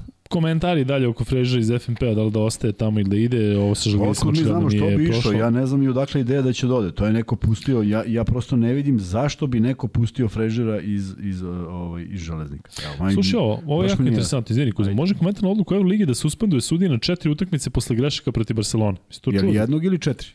Je li jednog ili svu trojicu? Suspenduje sudije na četiri utakmice posle grešaka protiv Barcelona. I, trt, šta sad s tim?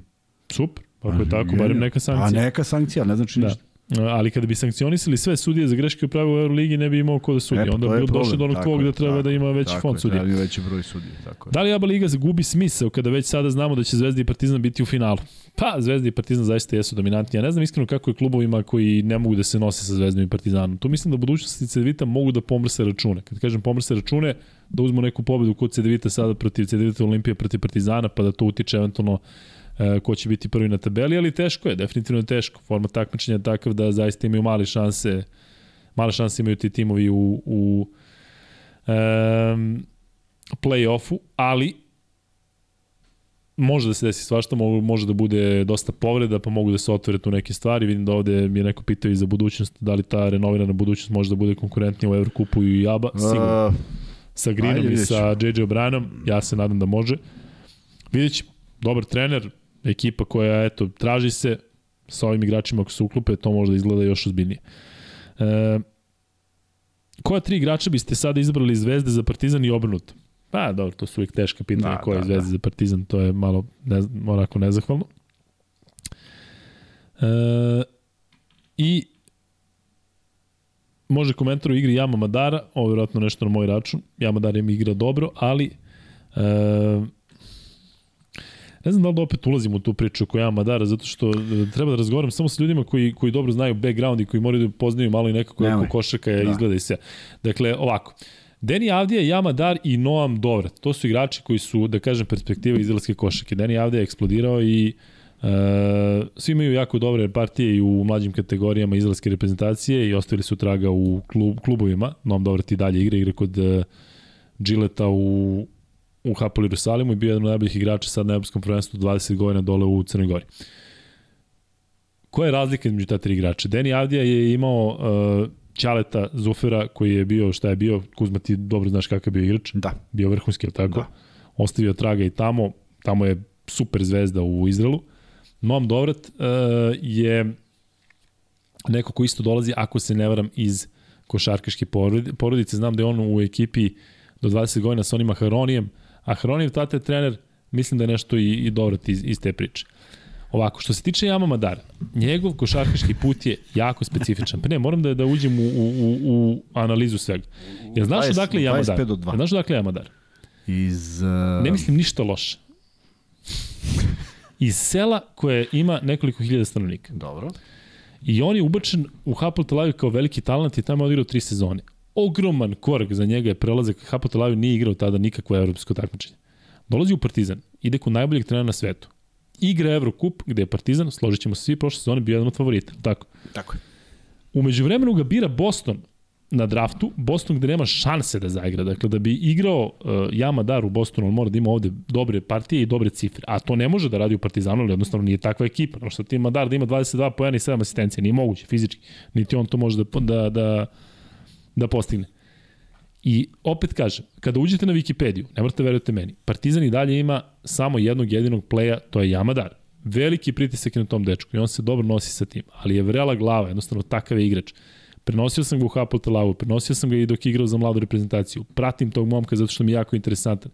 Mislim da nije kapacitet da iznese na poziciji pleja Partizan do nekih velikih dometa ove sezone u Euroligi. Opet kažem, Partizan ima dosta opcija koji mogu da pomogne, pomognu na pleju, ali ne očekujte od Madara mnogo, to je ono što hoću da kažem. I nije dobro to što se generalno zadovoljamo kao Madar dao 14 poena, 3 asistencije, pokidao Madar. Ako to treba da bude lider Partizana na poziciji pleja, da to budemo da se oduševljamo, pogledajte kako, kako Zvezda, kada Vildosa da 15 poena ili nešto, to je ono kao, ajde, podrazumeva se, nije ništa ovaj, specijalno. Ali, što se tiče Madara, video sam kakve probleme imao sa uh, trenerom u Hapoel. Video sam kakve probleme imao u prozorima sa izraelskim selektorom. Pa je onda se pojavila ta priča da i sa Željkom Bradovićem nešto nije hteo da sluša ili ne znam šta. Pa onda imate tu ne eventualno, to je, to je trač, da je bilo neki problema sa e, ovim e, sinom Blata, sa e, Tiborom Blatom.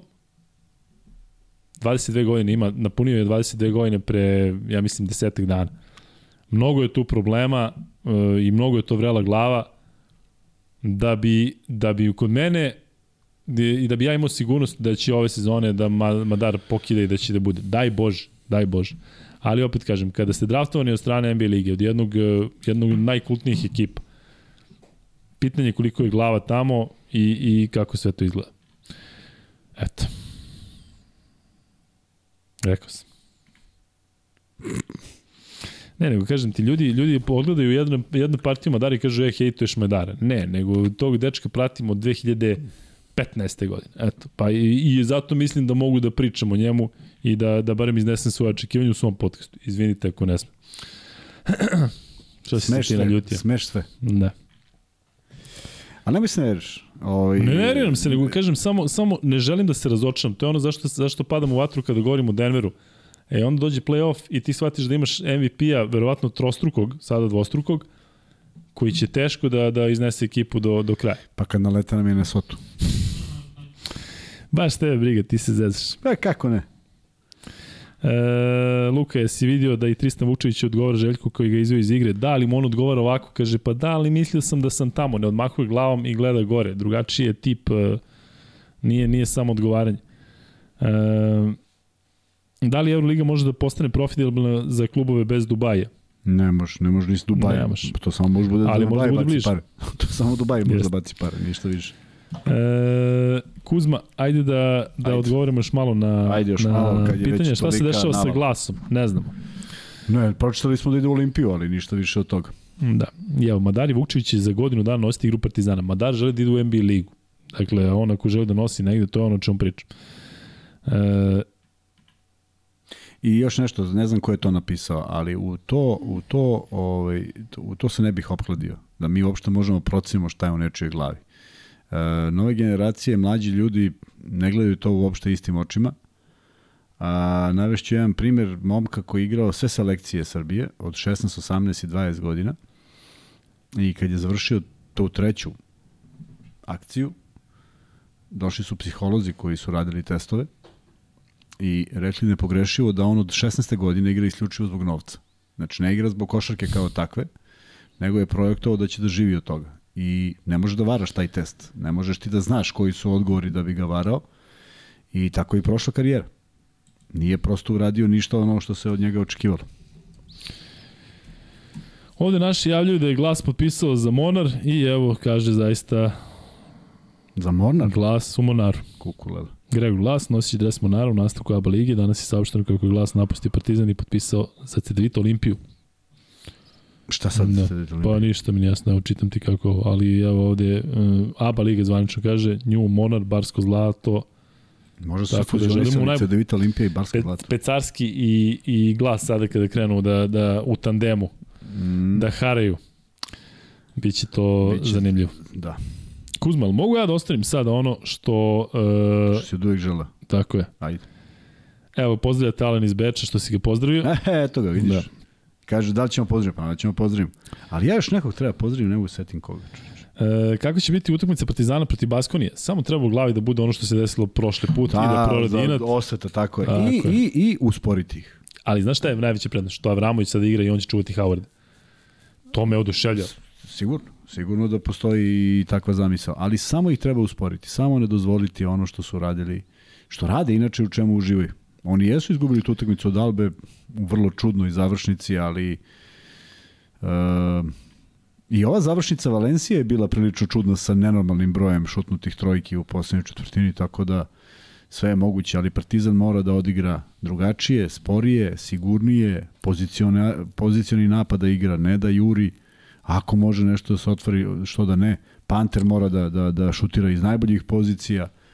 Ima ima tu mnogo dobrih stvari u Partizanovoj igri, ali ako se eksploatiše na pravi način. E, dobro. Da, ovde pišu da je potpisao za Cedevitu i odmah su ga poslali na, na, Na kaljenj. na kaljenje u moda. Tako je.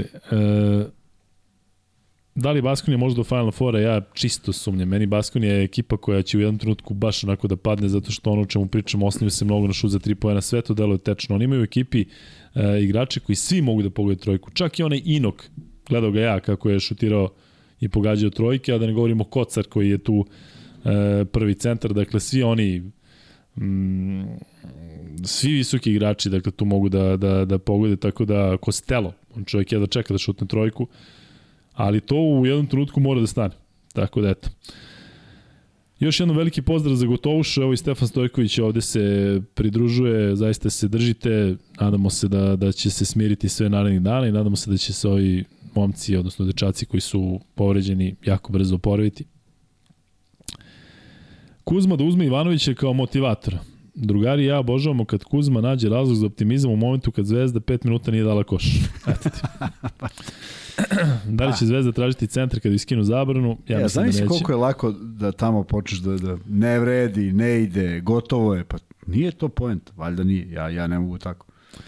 E, Dejan Tigan kaže, znači sve pare na Baskoniju. Tako je Dejane, znaš, znaš kako to ide kad ja kažem da je neko ovaj, ovo, da će da bude u kanalu. E, ali veliki pozdrav za tebe i za Švedsku. Da li realno mislite da bi Zvezda i Partizan mogli do Final Fora?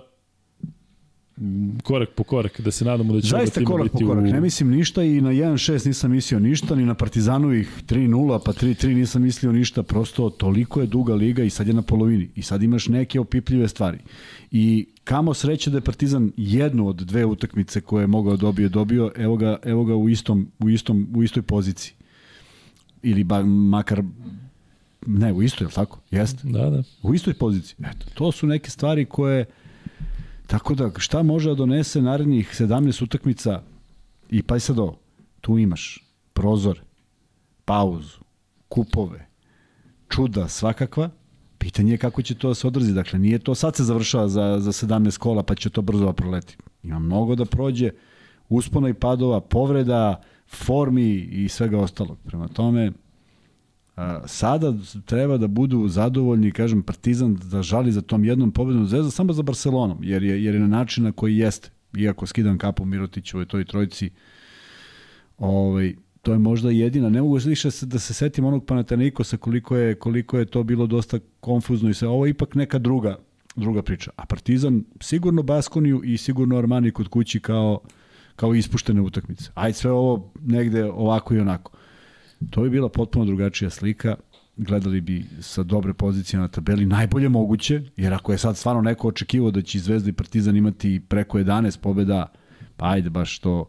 Možda u nekim drugim okolnostima da je Partizan bio kompletan, da je Duško Ivanović bio od početka tu, to sad šta bi bilo kad bi bilo, možemo mnogo dugo da pričamo, ali ovo su momenti koji treba da se iskoriste. Partizan koji je u seriji, Zvezda koja je u seriji, Mislim da ih drugačije sad gledaju i protivnici. Ne mogu da kažem da ih nikad nisu gledali tako da se pripremaju za utakmice u Beogradu, ali sad imaju stvarno da se pripreme za dve ekipe koje igraju 40 minuta. I kad pogledam sve, ne deluje mi da su da su pregaženi u bilo kojoj utakmici jedni i drugi. Da, da. Niko nije ponizio. Niko nije. Da kažemo, da. Prvi, prvi poraz Partizana je bio od Albe Jest. u jednoj, u jednoj jurnjavi dok se Dobro, nije... i ona, i ona i španska tu je bila mučna, ono što se dešavalo protiv Barcelone i Reala. Sve stoji sve stoji, ali nisu to porazi, a ti sad kažeš, u, da, da. šta je ovo bilo, nego Jeste. jednostavno, Zvezda je, Zvezda je u minusu, Zvezda ima veći minus od Partizana Jeste. u koš količniku, a ti ne možeš da setiš neke utakmice da je Zvezda sve neizvestno demolirana, da. znaš, tako da E, pitanje za Kuzmu, kako ima mišljenje o onom faulu Weba na minus 3, u stvari se ispravio cijeli gol minus 1 i 24 sekunde do kraja. Potpuno ludilo. Ali mi se dopalo što Ivanović tražio... Uh, Nameran faul. Da, tražio challenge zato što je ostalo malo vremena do kraja, da a nije išao na loptu, pa znaš, možda, je. možda izvučem nešto. Tako je. Dakle, ispalo, ispalo da, je, da je podvuko ruku Jeste. ispod i videlo se, ali to je samo njegov odluka. Ja mislim da su svi skamenjano stajali i gledali o čemu se radi. Vidite li Petruša u NBA ligi i kad otprilike? Njemu fokus treba da bude apsolutno na zvezdi i kaže ja to nije... Ja bih voleo da on, ako ima taj neki malo duži ugovor, ako nema izlaznu klauzulu, on može Evo, ovde pitaju da li je potpisano 1 plus 1 ili koliko. Ne, ja nisam siguran. Ja sam ne, danas sam mišljao o tome. Bilo bi lepo da su potpisane 4 godine. Nema to više. I da zna da je tu i ćao zdravo. Um, Kuzma, da li se sećaš kakav je bio igrač Zoki Marković iz BFC-a? Ne? Zoki Marković iz BFC-a, kakav je bio igrač? Odlično. Te malo, malo pa neki kum. Pa, ja Krasić tako kum, idem uli, uli, ulicom i samo... Tako. Ne, imam zaista dva draga, draga prijatelja, to su njih dvojica i kumovi smo. Treći kojeg stvarno mogu da izdvojim pored svih onih dobrih igrača s kojima sam igrao je Glišović s kojim sam bio cimer tri godine u Beočinu i to su kontakti koji su zaista onako vrlo česti. Ovaj, Marković je bio jedan neškolovan igrač sa neverovatnom energijom, kasno isto počeo da se bavi košarkom, igrao je za u Sremu, I ja neću zaboraviti utakmicu kad je on nastupao Srem OKK Beograd. on je uvatio neki trokor, troskok neki. Zaleteo se preko celog terena i stigo je loptu na vrh table. Evo setim kome je lupio blokadu, ali to je za mene ostavilo utisak i onda sam pratio te igre kad sam već pričao sa Beočinom. Čeo sam da vidim ko je tu i setim se njega.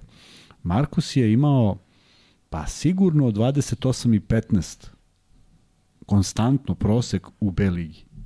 To uopšte nije naivno. Ali na ovo Lesorovo. Lopta je tamo, ono trči, skoči tamo.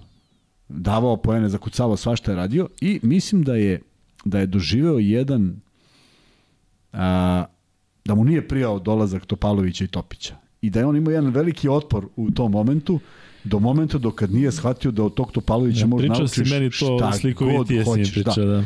I onda je postao igrač koji je imao, on je imao strahovitu povredu u Hemofarmu. Hemofarm igrao, imao strašnu ekipu i on je imao tako bizarnu povredu da mu je noga ostala u nekom položaju da kažu da su, da, da su povraćali ovi kada su videli kako izgleda i nikad u suštini nije se oporavio, ali uh, on je možda prvi čovek koji je otišao u Rumuniju, među prvima, igrao u tom Aradu kada je Arad harao i otvorio neka vrata svima nama koji smo posle došli, a igrao sa Miljanom Marjanovićem za kojeg je govorio da je najmekša ruka koja postoji. I tu je greota da taj Miljan Marjanović 90. bio u Zvezdi na nekoj probi, a završio u Rumuniji on je bio zadovoljan svime time, ali ti prosto taj šut redko se viđa koliko je to bilo mekano i igrao deseta godina sigurno tamo. E, Da li ćemo u Niš na kup, Kuzma? Ne, zvali su nas ljudi, ja sam rekao da ne, ne pohađam kupove i slične manifestacije, ali ako nas neko bude zvao da, da, da, da se vidimo, otići Šta ne pohađaš kupove? Kaže, šta je to neki? Pa ne idem na kup, šta ćemo? Pa sad ćemo da imamo ove godine. Evo ja obećam u Kuzmino ime, idemo u Niš. Ti ako hoćeš. A što ne kažeš šta ti kum rekao kad te sreo na moru u Grčku? Da smeš da kažeš? Ne. A to piše on, da, da. Ne, ne, ne, ne, ne, to, ne, to, to, to ja pitam, da. Pa, to je bilo lepo. Evo da Dejan Tigan, Dejan Tigan za, za, za opet ovaj, nam šalje parice. Hvala, Dene. Hvala, Dene. E, mišljenje ovaj... o Holandovoj ulozi u Zvezdi, pitanje za Luku. Ja stvarno mislim da on treba da ostane u Crnoj zvezdi i mislim da bi mogao ovako da prinese u pojedinim mečima. Mislim da je jako dobar za atmosferu u timu. Naravno da to nije bila ideja kad su ga dovodili da bude tu neko ko će onako da skače na klupi, ali da može da odigra, može. Da mu Ivanović očigledno traži ulogu, traži da, tako je, tako da je ovaj I da on to može da iskoristiti. I pa i sve je shvatio kako ću iskoristim. Tako, to mi je rekao ja ću to da uradim. I on to uradio i pogodio da. Da, da, tako da... Inače, Dejan ja. Tiganj šalje, a izvini. E, izvini ti, ja, ne, izvini kada ti. bi me, izvini ti, molim, kada bi me terali da odaberem da jedan igrač ode iz Zvezde, Bentel ili Holland, ja bih pre rekao Bentel. Života mi moga, on mi je, on mi je pa, veći, veći zato problem. Se, znaš, zato što, što više, 30 minuta, ti više očekuješ, minuta. znaš, ti više tako očekuješ. Je, tako da. i onda ti je lakše da, da ne gledaš kako se on muči. Očekuješ. Holland ako promaši ili ne znam šta, staviš ga na klupu da, i to i ti je to. je to. A on vesao i Ajde. pravi atmosferu na klupi. Ne, Dejan Tigan je genijalan, kaže, ovaj, šalje, šalje pare zato što je uzeo nešto na Minnesota protiv Denver. Jel? Sjajno. Sjajno. E, pitanje za Kuzmu Bogdanović ili Danilović? Molim? Pitanje za Kuzmu. E, tu je jedna nespertna izjava koju sam, koju sam bio svedok, a verovatno i svi mi, da ovaj, ne znam da li si primetio e, Sale Đorđević i Saša Danilović izjavljuju da je jedan od redkih s koji mogu da igra s njima u generaciji je Bogdanović. E, nekako su preskočili Dončića, mislim da malo sad, znaš, ako negde postoji taj zapis, malo je, malo je teško to reći. E, jako teško je da, da, da poredim tako nešto, ali stvarno je taj uh, Saša Danović bio apsolutni pobednik. Dakle, uh, sve ono što Bogdan radi i sve ovo što je Bogdan uradio u NBA i sve, sve, sve i lepota njegove igre i uopšte njegov odnos prema igri, ali ovo je bio čovek koji je rešao. Zaista rešao. Dakle, u tim, tih godina u Italiji je bio čovek koji je bio čovek odluke nebrojeno puta, oko njega se sve vrtelo, bezobrazan do, do, do krajnjih granica u onom sportskom smislu. A, meni je mnogo žao što eto, nisam imao prilike da igram baš protiv njega. Ne znam, ne znam šta bi se desilo, ali bio bi veliki izazov. Nikad nisi igrao protiv Nisam, nisam, da. Prosto tada kod nas u grupi je Paf, a on je u Kinderu. Uh, Čekaj, koliko je Saša stariji od tebe? Godinu dana samo. Pa zato i kažem da... Pa, da, nevjerojatno se nismo sreli. Da, a dobro, on je baš rano završio. On je završio... Nema veze što je on rano završio. Ja sam i dalje u Euroligi u tom momentu. On završao 2001. kad postaje direktor Partizana. A ja, a ja od 99. 2000. 2001. igram. Tako da, da se te da. dve godine nismo našli A on je pre toga bio u Majamiju, nismo ni mogli da se nađemo, a ja nisam igrao Euroligu. Prema tome svašta je bilo, ali u te dve godine prosto nam se nisu ukrstili putevi. A sa mnogima jesu. Da. E, pitanje u vezi Dobrića. Da li smatrate da je Dobrić dosegao svoj maksimum Jeste. igrački? Deluje da jeste, da je Jeste. onaj bljesak u finalu ligi protiv Partizana više ne može da dosegne. Očigledno da je veliki može. radnik i to je to. Bljesak može. Bljesnut će on ponovo, ali dostigo je neki svoj razvoj. Ne znam šta očekujemo sad od Dobrića više. U razvoj, sm- u razvoj pod razvojem podrazumijem, sad on izmisli nešto novo što do sad nije. O Rakočevićevoj izjavi Kuzma, šta misliš? Ne znam šta je izjavio. Ne znam šta je izjavio. Ne znamo ni mi. e, Ali dobra izjava. Ne znam šta je izjavio. da li možemo da zamislimo Davidovca umesto Bentila? To bi O, obožavao. kako da ne možemo, to bih baš volao. I mislim da je velika šteta što je on ispušten. Kogod da je tu nešto promašio u proceni, Davidovac je morao da ostane. Slažem se da ne bi dobio verovatno taj novac, jer ipak je tržište Rusije takvo, ali morao da ima ponudu, pa neka je odbije. Dobro, Koliko smo već? Iii, 5 do 2. dve i po čuke. Ajde još 6 minuta da ne bude da nismo prošli. Vančik NBA, hoćeš da prokomentarišeš? Neće, Vančik ne zna da je bije. Ove, e, Odavno leži. Kako se nije desilo, Lauri Markanen 49 pojena. Ne, E, ne da, komentarišemo Laurija Markanena, a mislim da, da, Stvarno genijalno. da je momak, neko delo da taj, da je Juta dobila šta je htela sa Markanenom, znali su da šta gube odlaskom Mitchella i znali su šta rade kada su i Gobert poslali u Minnesota, a neko misli da su svi srećni. Mitchell ovamo, Markanen, e, video si onaj šut e, koji je pogodio protiv Sakramenta, neverovatan šut, šteta što nije važilo, falilo je, ja mislim, desetinka ili dve, ali bit će interesantno pratiti Laurija Markanena i... Nego? Znam da jure, ali čovjek bre i 25 poena daje u proseku i apsolutno treba da bude na All-Staru. Tako da, ovaj, meni je drago što on igra i zaista bio fenomenalno na evropskom prvenstvu i bit će to fenomenalno i u nastavku sezone, mada mislim da Juta neće, neće ako eventualno uđe u play-in, a sećate se da su bili prvi na početku sezone. Nećemo mnogo NBA ligi zašto smo pričali sinoć, ali eto možemo da kažemo da pitao me neko za LA Clippers što su uh, oduvani sinoć. Dešava se.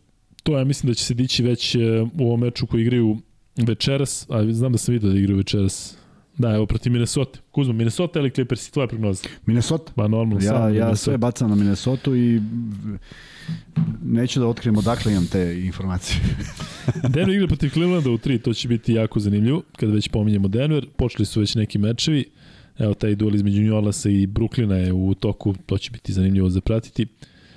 Ali otprilike to to, imamo još jedan free bet da ispucamo i Koliko molim da to uvezite. koliko ima lajkova, čoveče? Koliko ima lajkova? Pa nismo došli do 1000 i po, 1000, 1,2 1,2 K. Ali dobro. E, sledeći, odnosno poslednji Luka Kuzmić u koji su dometi Sakramenta ove sezone. Ja mislim da će oni biti u play-inu. Ne vidim ih da će biti u, u mislim da će biti na pozicijama od 7 do 10. Svakim čast ako ostanu u prvih šest. Ali igraju dobro u narednom periodu, mislim da imaju čak i jako dobar raspored.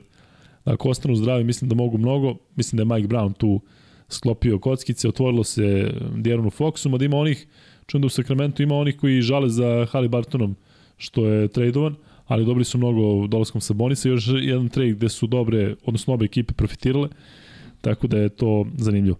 Luka, juče sam pitao mišljenje ko je dobio više Indiana ili Sacramento u tradu Sabonisa i Halibartona, eto, baš smo rekli, duše bi Buddy Hield je otišao u Pacers, tako da uh, Indiana kida, dobar trener, Carlisle, tako da mm, želim najbolje zaista i jednima i drugima. Šta Vanja misli oni priči da Mitrović je otpušten i mu je zamereno da ne dobija minute Teo Maledon, francuski prospekt. Jeste, to je neko, to je rekao neko ozbiljno, da li Park je rekao to, tako da to nije, ja mislim, neka, neki trač ili tako nešto. Možda nešto su protiv Mitrovića ili ne znam šta, ali ne može, ako neko zna da radi, ako neko ima razumevanja za, za igrače, mislim da je to zvezdan, tako da, ne znam, taj Teo Maledon mi iskreno, kao i ovaj Strazel, i tako ti neki igrači, pa čak i onaj Kilian Hayes, nešto nisam oduševljen ni jednim, ni drugim, ni trećim. E, treći free bet bi mogao da bude u vezi Vladimira Kuzmanovića. Može. Može. A pošto ne voli NBA ligu, da povežemo Vladimira Kuzmanovića i NBA ligu. Može. Vlada Kuzmanović je radio kao skat, scout jednog NBA tima. Kog tima? Kog tima, ko odgovori dobija treći free bet. Eto, pove, povezali smo i Jubu, Kuzmu, Jubu, a NBA Bubu. i cepamo dalje. I nestajemo. Ne mislim da nestajemo, nego nestajemo. Gde da nestajemo, si lud, tek smo se pozicionirali. E, dobro. Da vidimo još ovaj, dakle, treći free bet. I Šta morat ćemo niko da morat ćemo da zna. ostavimo, te ne znaju. Nenad KG 1985 kaže Houston. I to je tačno. Koji Houston? Tako da, Nenade, znaš e, kako funkcioniše sve, šalješ e, na Luka i Kuzma, E, pošto smo još jednom da podsjetim, ograničili to da jedna osoba može da uzme jedan free bet tokom e, nedelje, od ponedeljka, dakle, brišemo ovo do sada i svi koji ste onako redovni za to, možete u ponedeljak da da konkurišete i eto, devet različitih free betova, odnosno različitih dobitnika imat ćemo tokom nedelje. Mislim da to, eto, bar nešto znači da malo učinimo situaciju interesantnijom. Kuzma, za kraj što imaš da kažeš, osim da naravno pozdravimo još jednom ove momke u Gotovuši, da se nadamo da će biti dobro da, da će to se biti nadamo, mirno. Da, da se da im poželimo mnogo bolju godinu, evo Božić je pa da, da, da stvarno nemaju iako cela ta situacija i sve što se dešava, ne znam, ne znam šta može pametno da se uradi, a da, da bude više od reči podrške.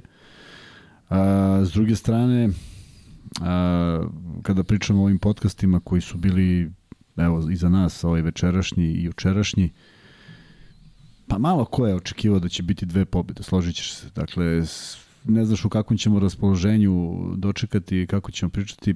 Vrlo sam zadovoljan što je to sa dve pobede, mnogo lepo izgleda, mnogo je lepa priča, mnogo je gledalaca, mnogo pozitivnih, mno- mnogo pozitivne energije. Znam da će sutra se pojave komentari potpuno iskrivljenih nekih naših izjava, ali valjda je to normalno i ti ljudi su dobrodošli i drago mi je da gledaju i nadam se da čuju i nešto što im se dopada, ali u svakom slučaju još jednom veliko hvala. Danas sam objavio sigurno desetak slika dok smo radili ovaj podcast ljudi koji su koji gledaju, koji prate, koji su kupili majice, koji su Sad slikali tokom ovog, majicama. Da, da, da, da, da. Pa sve Da. vreme. Tako da je to onako jedna veliko, jedno veliko zadovoljstvo na svim smo meridijanima, šalju opet iz Australije, šalju iz Španije, stigle su majice koje smo poslali Uh, jedna devojka koja je iz Španije, rodom, tela da iznenadi muža kojeg ja sticam okolnosti znam iz Beograda i naručila majicu i stigla je tačno za Božić. I oduševio se, slikao se danas majicom, tako da eto, to su neke lepe stvari i uživamo u tome i jedva čekamo sledeću nedelju i neke nove vesti. Nadamo se da će biti dobrih vesti, da će povrede i sve ono što je bilo loše biti deo prošlosti i da ćemo saznati nešto novo. Ja se i dalje nadam, bez obzira na sve ovo što smo pročitali, da postoji neko razrešenje da Kampaco zaigra, što kažeš nije to najveći Ti problem. si i dalje optimista. Pa jes, želim da, želim da verujem da može da se nađe neka, neka, neka solucija i da postoje e, postoje raznorazni me, metodi za kažnjavanje, pa ako jedna ekipa treba da trpi nešto, bolje da trpi finansijski, ovako trpi u krajnjem slučaju i taj igrač koji je možda bude kolateralna šteta. Ali nadam se da će neki razum prevladati samo iz jednog razloga, zato što mislim da Beograd ove godine šalje posebnu sliku. Šalje posebnu sliku sa dva konkurentna tima, šalje sliku sa ako ne računamo domaći igrače i u jednom i u drugom timu, onda ajde sa nekih desetak izuzetno kvalitetnih igrača, stranih igrača, ne računajući, kažem, domaća kojih ima kvalitetnih, a kada se oni saberu, možeš da ideš i do 15 nekih izuzetno dobrih igrača koji unapređuju ovu ligu. Sigurno je ne, ne, ne, ne, ne, ne, ne srozavaju kvalitet. Ako takva poruka stigne iz, iz, iz zemlje koja voli košarku, koja se bori da bude deo te priče koja je stalno negdje na nekim marginama, mi to moramo prihvatimo i, i tako jeste, koja nema stalnog predstavnika, jer to što mi dalje mislimo ABA liga super sve, u stvari ništa nije super i predstavnik nije garantovan, e onda imaš malo nekog sluha, pa podržiš tu priču ili, ili nemaš, pa uradiš ovo, pa sad zamisli, zamisli ako stvarno postoji neko koji je želeo da Zvezda izgubi i da taj kampacu ne bude, ne, nevažno ko je, a, a Zvezda pobedi Valenciju. Osjećaš se još gore i onda si spreman na još luđe stvari. Nadam se da nije tako i nadam se da će neki razum prevladati i da će neko naći neko kompromisno rešenje, da će taj čovjek se pojavi i da pokaže šta zna i to je to. Dušan Cvetanović je donirao, Dušane hvala puno, Dušan kaže pozdrav ekipi. Dušan je E, povratnik u doniranju. Je tako? Pa da, ima ga i na... Svuda, jel? Da, da. E, ja hoću za kraj da pohvalim e, Kuzmu, Kuzma je danas od, koliko si radio studio? Od? Tu nešto od 6, 7. I evo ga priča do dva noću, priča manje više istu priču. Dakle, o Zvezdi samo to onako drugačije upakuje, ali generalno Kuzma je zaista car. I to je u stvari poenta svega ovoga što radimo. Dakle, ja sam danas e, radio jednu Euroligu i sutra jutru radim Australiju i radim tu tursku odbiku. Mi smo ovde zato što volimo da pričamo o košaci, zato što super sve ovo funkcioniše, ali tu smo zbog vas i uživamo zaista u svemu ovome i uh, hvala vam puno. E, zato što... Divno je kad vidimo broj ljudi koji čeka Tako je, ovaj ne podcast. samo broj, nego eto Kuzma ovo što sa vama komunicira, ja kapiram da mu je zaista zadovoljstvo i zaista sam siguran da gleda da odgovori svakome. Jedno vreme sam mislio da igra Candy Crush, ono dok ja pričam ovaj, u podcastu, ali on zaista, eto vidite, postuje šta radi tamo. Nekako mislim da je to najbolja na Instagramu. E, mnogo nam je nedostajalo u onom periodu kad smo snimali, nedostajala ta interakcija kad smo je prvi put otkrili sve ispalo, jest, sve ispalo jest, kako jest. treba i onda treba nagraditi te ljude koji su sa nama do 2 ujutru, a nekada i do 3.